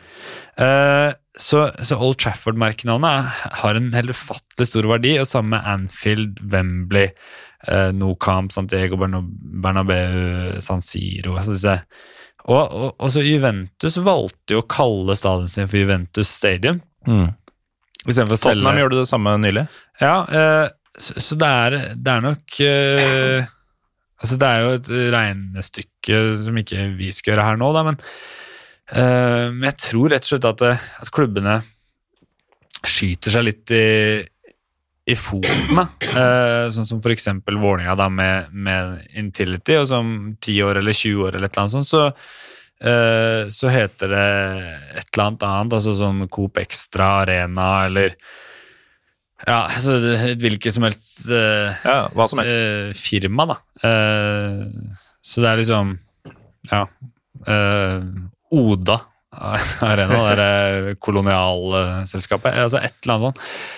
Og det skaper ingen, ingen tilhørighet, da. Eh, liksom Nei, og, og Ja. når du først har åpna den Pandoras esken, da, Ja.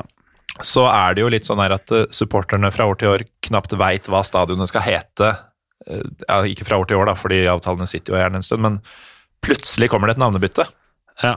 Og da har jo gjerne unge supportere for eksempel vokst opp med at ja, i dette tilfellet at det heter Intility Arena, Mm. og så heter det plutselig uh, ja, Oda, Ja. Uh, siden du brukte det eksempelet.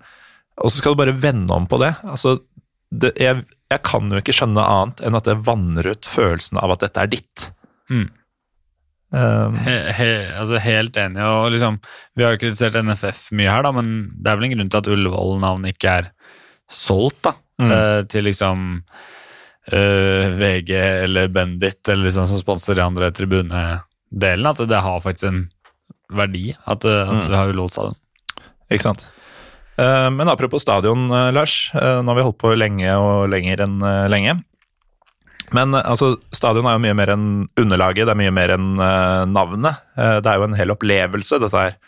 Og der er det jo litt sånn klubbenes arrangementskomiteer eh, velger jo å forvalte dette på både mer og mindre vellykka vis. Ja, og, og, og, veldig mange av de temaene vi har tatt opp i dag, har liksom, det har vært litt inn mot sånn eh, tiltak fra NFF og det der action bias. Uh, ikke sant, mm. dette her.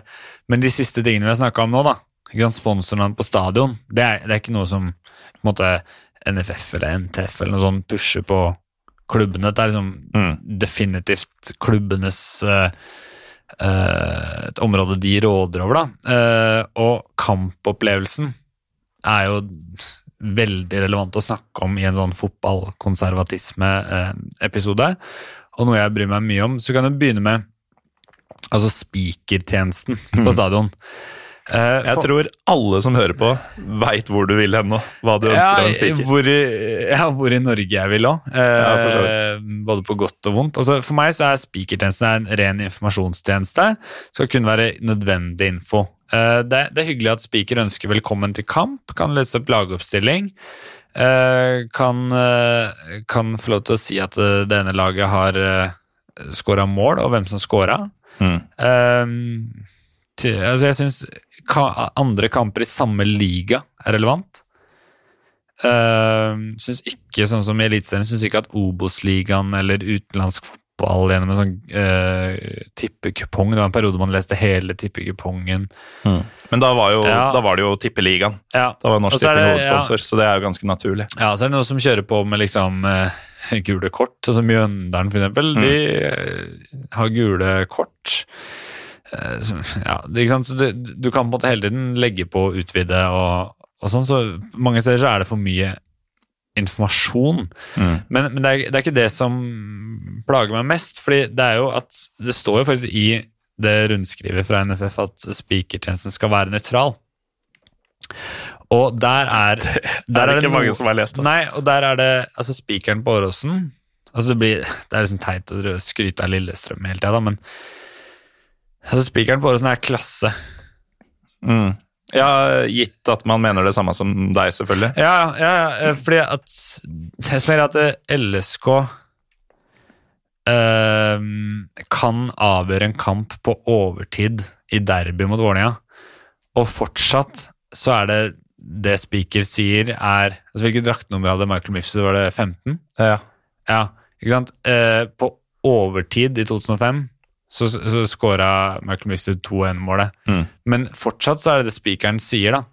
Uh, at uh, Lillestrøm går opp i ledelsen 2-1 ved spiller nummer 15, Michael Mifsud. Ja, og så er det jo selvfølgelig noe mer entusiasme enn om det hadde skjedd andre veien. Ja, da. men, men, han ja, er ikke men, hysterisk. Nei, og det er det som er så jævlig fucka, da. med sånn som Rogaland fylke. Ja, er, fordi de, de har problemer Eh, fordi at det er ikke en nøytral spikertjeneste. Fordi at det er så mye gavling og roping, og, og det er jazzing av liksom at oppfordringer om at nå må publikum mm. synge og klappe og reise seg. Og liksom Altså, man bruker høyttaleranlegget til å heie på laget sitt. Mm. Og jeg husker også dette er noen år siden, da, men eh, da Bodø, det var Bodø rundt Lillestrøm, eh, hvor Runar Berg skåra fra sånn 40 40 meter eller noe sånt. Eh, jeg lurer på om det var 05. Var da han begynte å synge? Ja, da begynte å synge. Eh, det var en Runar, det var en Runar. Olé, olé, olé. altså sånn Altså, er det eh, Hvordan er det mulig å liksom forvalte liksom, spikertjenesten sånn, altså så dårlig? så det er så mye mas og roping og, og surr, da. og så skjønner jeg på en måte at Vålerenga, eksempel At den derre greia de holder på med, er sånn, litt sånn hockeyinspirert. da. Mm. At du skal på en måte ha sånn roping og gavling, og så skal du si hvem som er assist, og så er det sånn en gang til. og... Ja, og så tror jeg at uh, Jeg vet ikke om det er sånn nå, men jeg er ganske sikker på at de hadde samme spiker på hockeykamper uh, ja. i gamle dager. Så det er jo en sånn uh, Sikkert sånn én klubbs variant, da. Nå driver du og hiver i deg ja. restslurker fra de tomme boksene dine. Uh, ja, nei, og det er liksom Ja, Viking har kanskje fått noe inspirasjon fra altså, Stavanger og Ullers eh, mm. et eller annet sånt, da. Men sær, Særlig når det da står faktisk fra NFF at, at spikertjenesten skal være så minimalistisk og nøytral som mulig. da. Um, uh, for det er noe liksom Ja, håndball har sin kultur. Ishockey har sin kultur. Mm. Fotball sin kultur er at livet på stadion skal starte oss eh, tilskuerne, eh, supporterne, og på en måte spre seg. Mens i andre idretter, sånn som håndball f.eks., mm. så er det på en måte en del av stemninga at spikeren sitter og roper, drar på noe musikk mm. osv. Ja, det, det man ha eh, respekt for. Uh, men, men, det er på en måte Det strider imot altså min hva skal jeg si, fotballkonservatisme å, å, ha spikere som oppfører seg sånn. Men uh, da tør jeg nesten ikke å spørre hva du tenker om uh, skåringsmusikk. Nei, det, det, er jo noe forbanna møkk. Hvorfor det?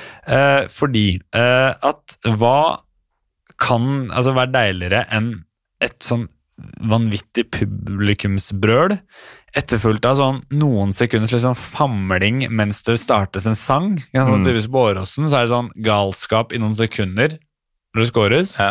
og så går volumet ned i noen sekunder før det kommer en eller annen sang eh, som sprer seg utover tribunene. Hele stadion står, klapper, hopper. Mm til en supportersang som er organisk skapt. Ja. Det er ikke eh, lyd fra høyttalerne eller en spiker eller noe sånt. Uh, og altså det, det, går ikke an å argumentere for at altså, lyd fra et høyttaleranlegg er bedre enn lyd fra syngende supportere etter et mål. Altså Man kan jo nesten bruke samme argument her som man brukte om kunstgress, at det rett og slett organisk er bedre enn kunstig.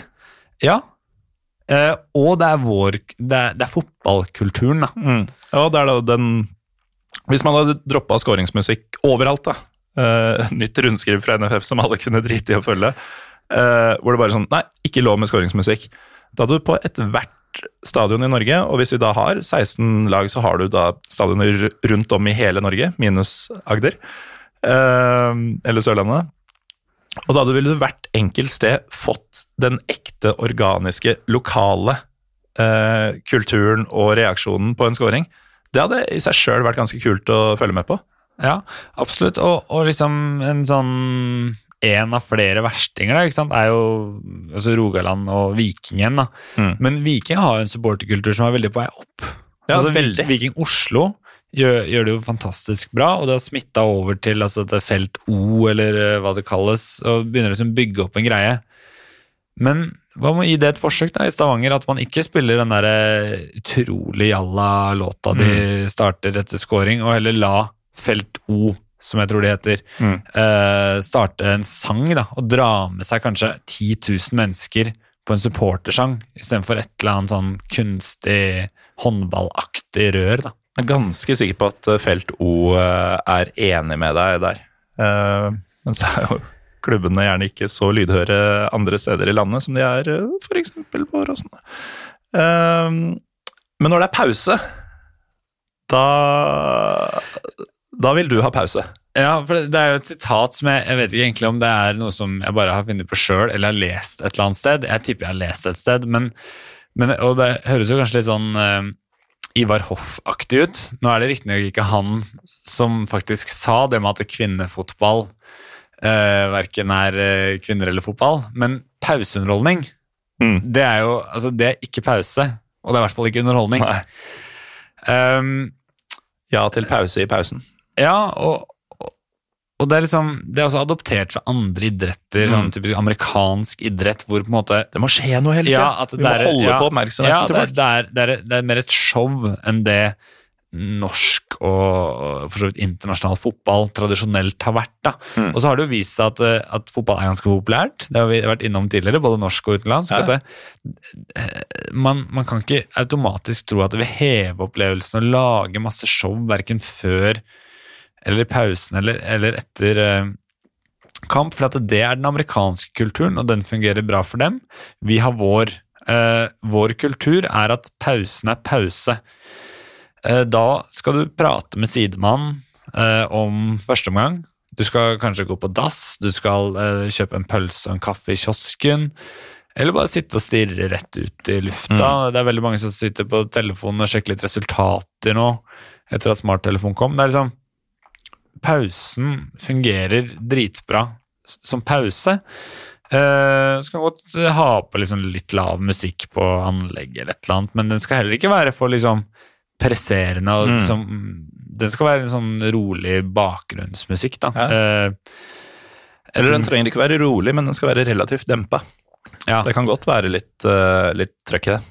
Ja, eh, men nå er jo du en musikkjenner, eh, og de som har hørt litt på Bare mottak, vet at jeg, jeg Du hører bare på Stein Ove Berg, og bare én sang.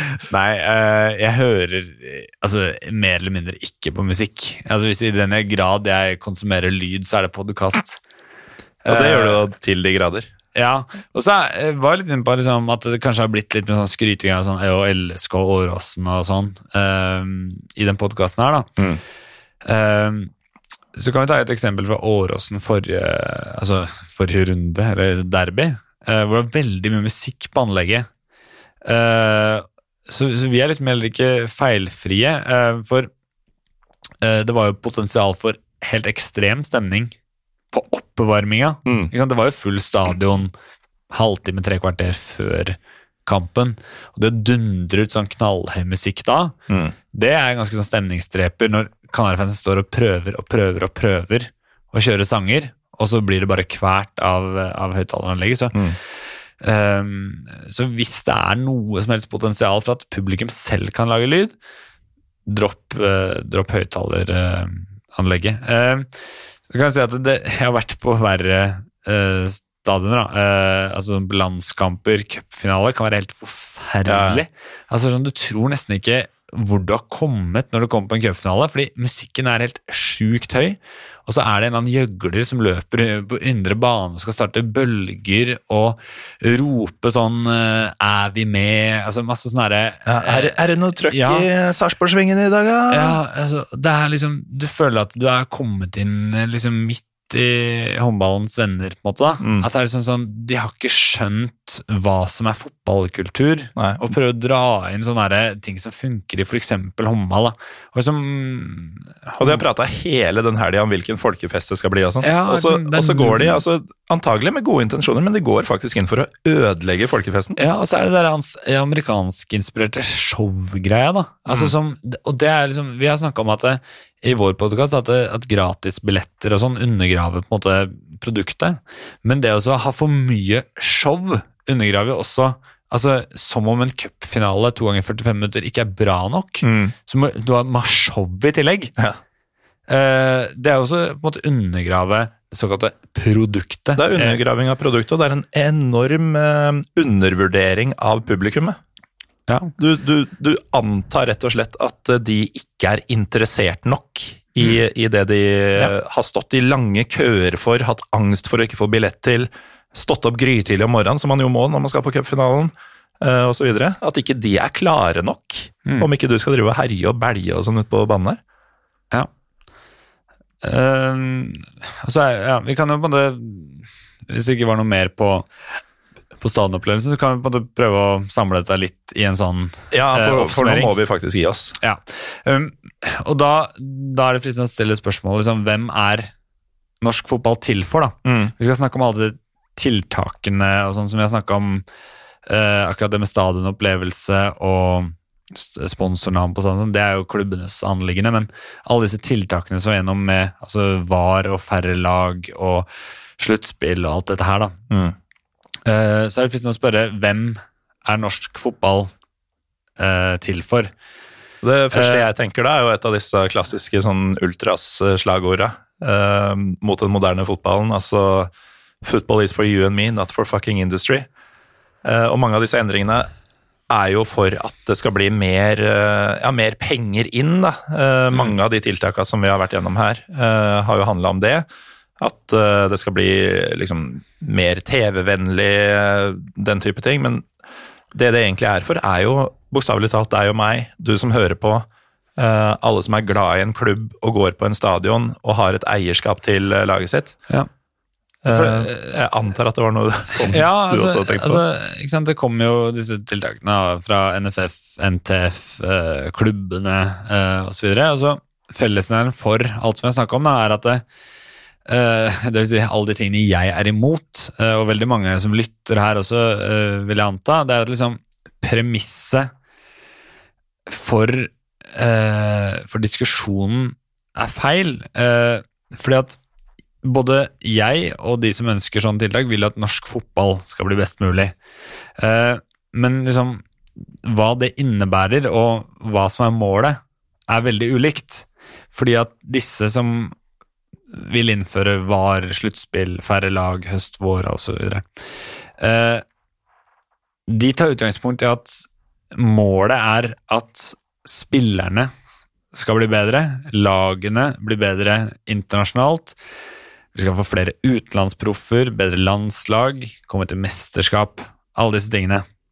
Og det syns også jeg er litt viktig, og så skal det sies at disse, mange av disse tiltakene tror jeg ikke nødvendigvis fører til eh, nevnte utfall. Mm.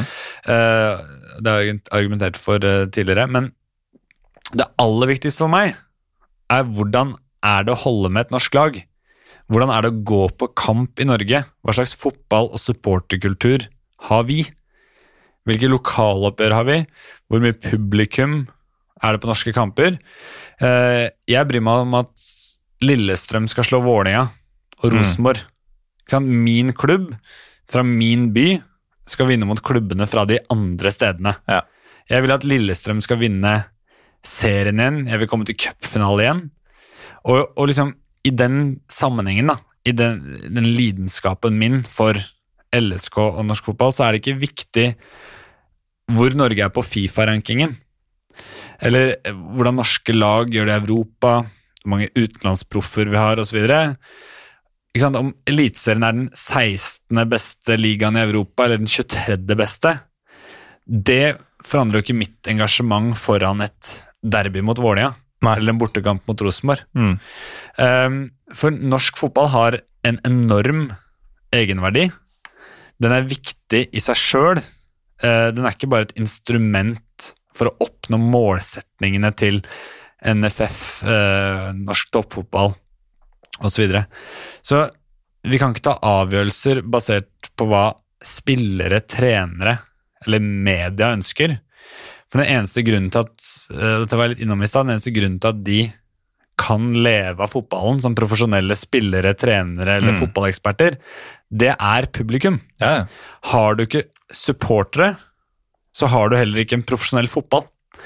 Uh, og det er derfor vår stemme er den aller viktigste når endringer skal gjøres i norsk fotball. Ja, helt uh, korrekt uh, oppsummert, Lars. Og et perfekt tidspunkt å gi seg på, kanskje? Ja, jeg er ferdig. Ja, du, du har fått eh, Sareptas krukke er tom. ja, du, ja, du har rett og slett fått eh, tømt deg. Uh, ja, uh, bokstavelig talt. Eller ikke bokstavelig talt. Nei, det, vi har tømt pils, vi har tømt deg, Ja. og vi har antagelig tømt lytternes tålmodighet. Her vi har sittet i nesten to timer og 40 minutter. Ja, det, er, det er mye, altså. Ja, Det men er for i, mye. i Pyro og Pivo så kaller vi dette tirsdag. Eh, I hvert fall, Lars Råstad, takk for at du kom og tømte deg. Ja, Vil man høre mer altså fotballkonservatisme, så kan jeg anbefale en podkast som heter Harde mottak. Ja. Vi er ganske konservative. eh, og Det blir jo mye Lillestrøm-prat, men, eh, men faktisk så er det sånn, litt sånn support, altså jeg, idrettspolitikk, eh, supporterpolitikk, eh, klubbdemokratier osv. er jo et tema vi, vi brenner veldig for. da. Ja, og så er det mange Pyro Pivo holdt på å si fans, men eh, lyttere i hvert fall, som eh, helt sikkert savner mer Trym Hogner. For han har ikke vært med så mye her de siste par åra, og eh, han er jo med omtrent hver eneste gang hos dere. Ja, ja, Hvis man liker Trym, så er anbefaler harde mottak. Eh, problemet mitt nå er jo at kanskje hvis jeg hadde blitt invitert til å snakke om f.eks. sluttspill, da, og så Mm. lagd en timesepisode om det, så kanskje jeg kunne blitt invitert tilbake hit. Ja. Men nå føler jeg jo egentlig at uh, dette her er det jeg har. Jeg har, jeg har ikke mer å komme med. Din fotball, eh, eller ditt eh, spekter av fotballinteresse, det starta med det første minuttet og avslutta med dette minuttet av denne episoden. Ja. Uh, resten handler bare om LSK, og det skal folk som ikke aktivt søker det, få slippe. I hvert fall takk, Lars, for at du var med. Takk til deg som hører på, hvis du fortsatt er med. Vi er PyroPivopod på Twitter og Instagram. Mitt navn er fortsatt Morten Galaasen, og vi er antagelig tilbake neste gang vi høres.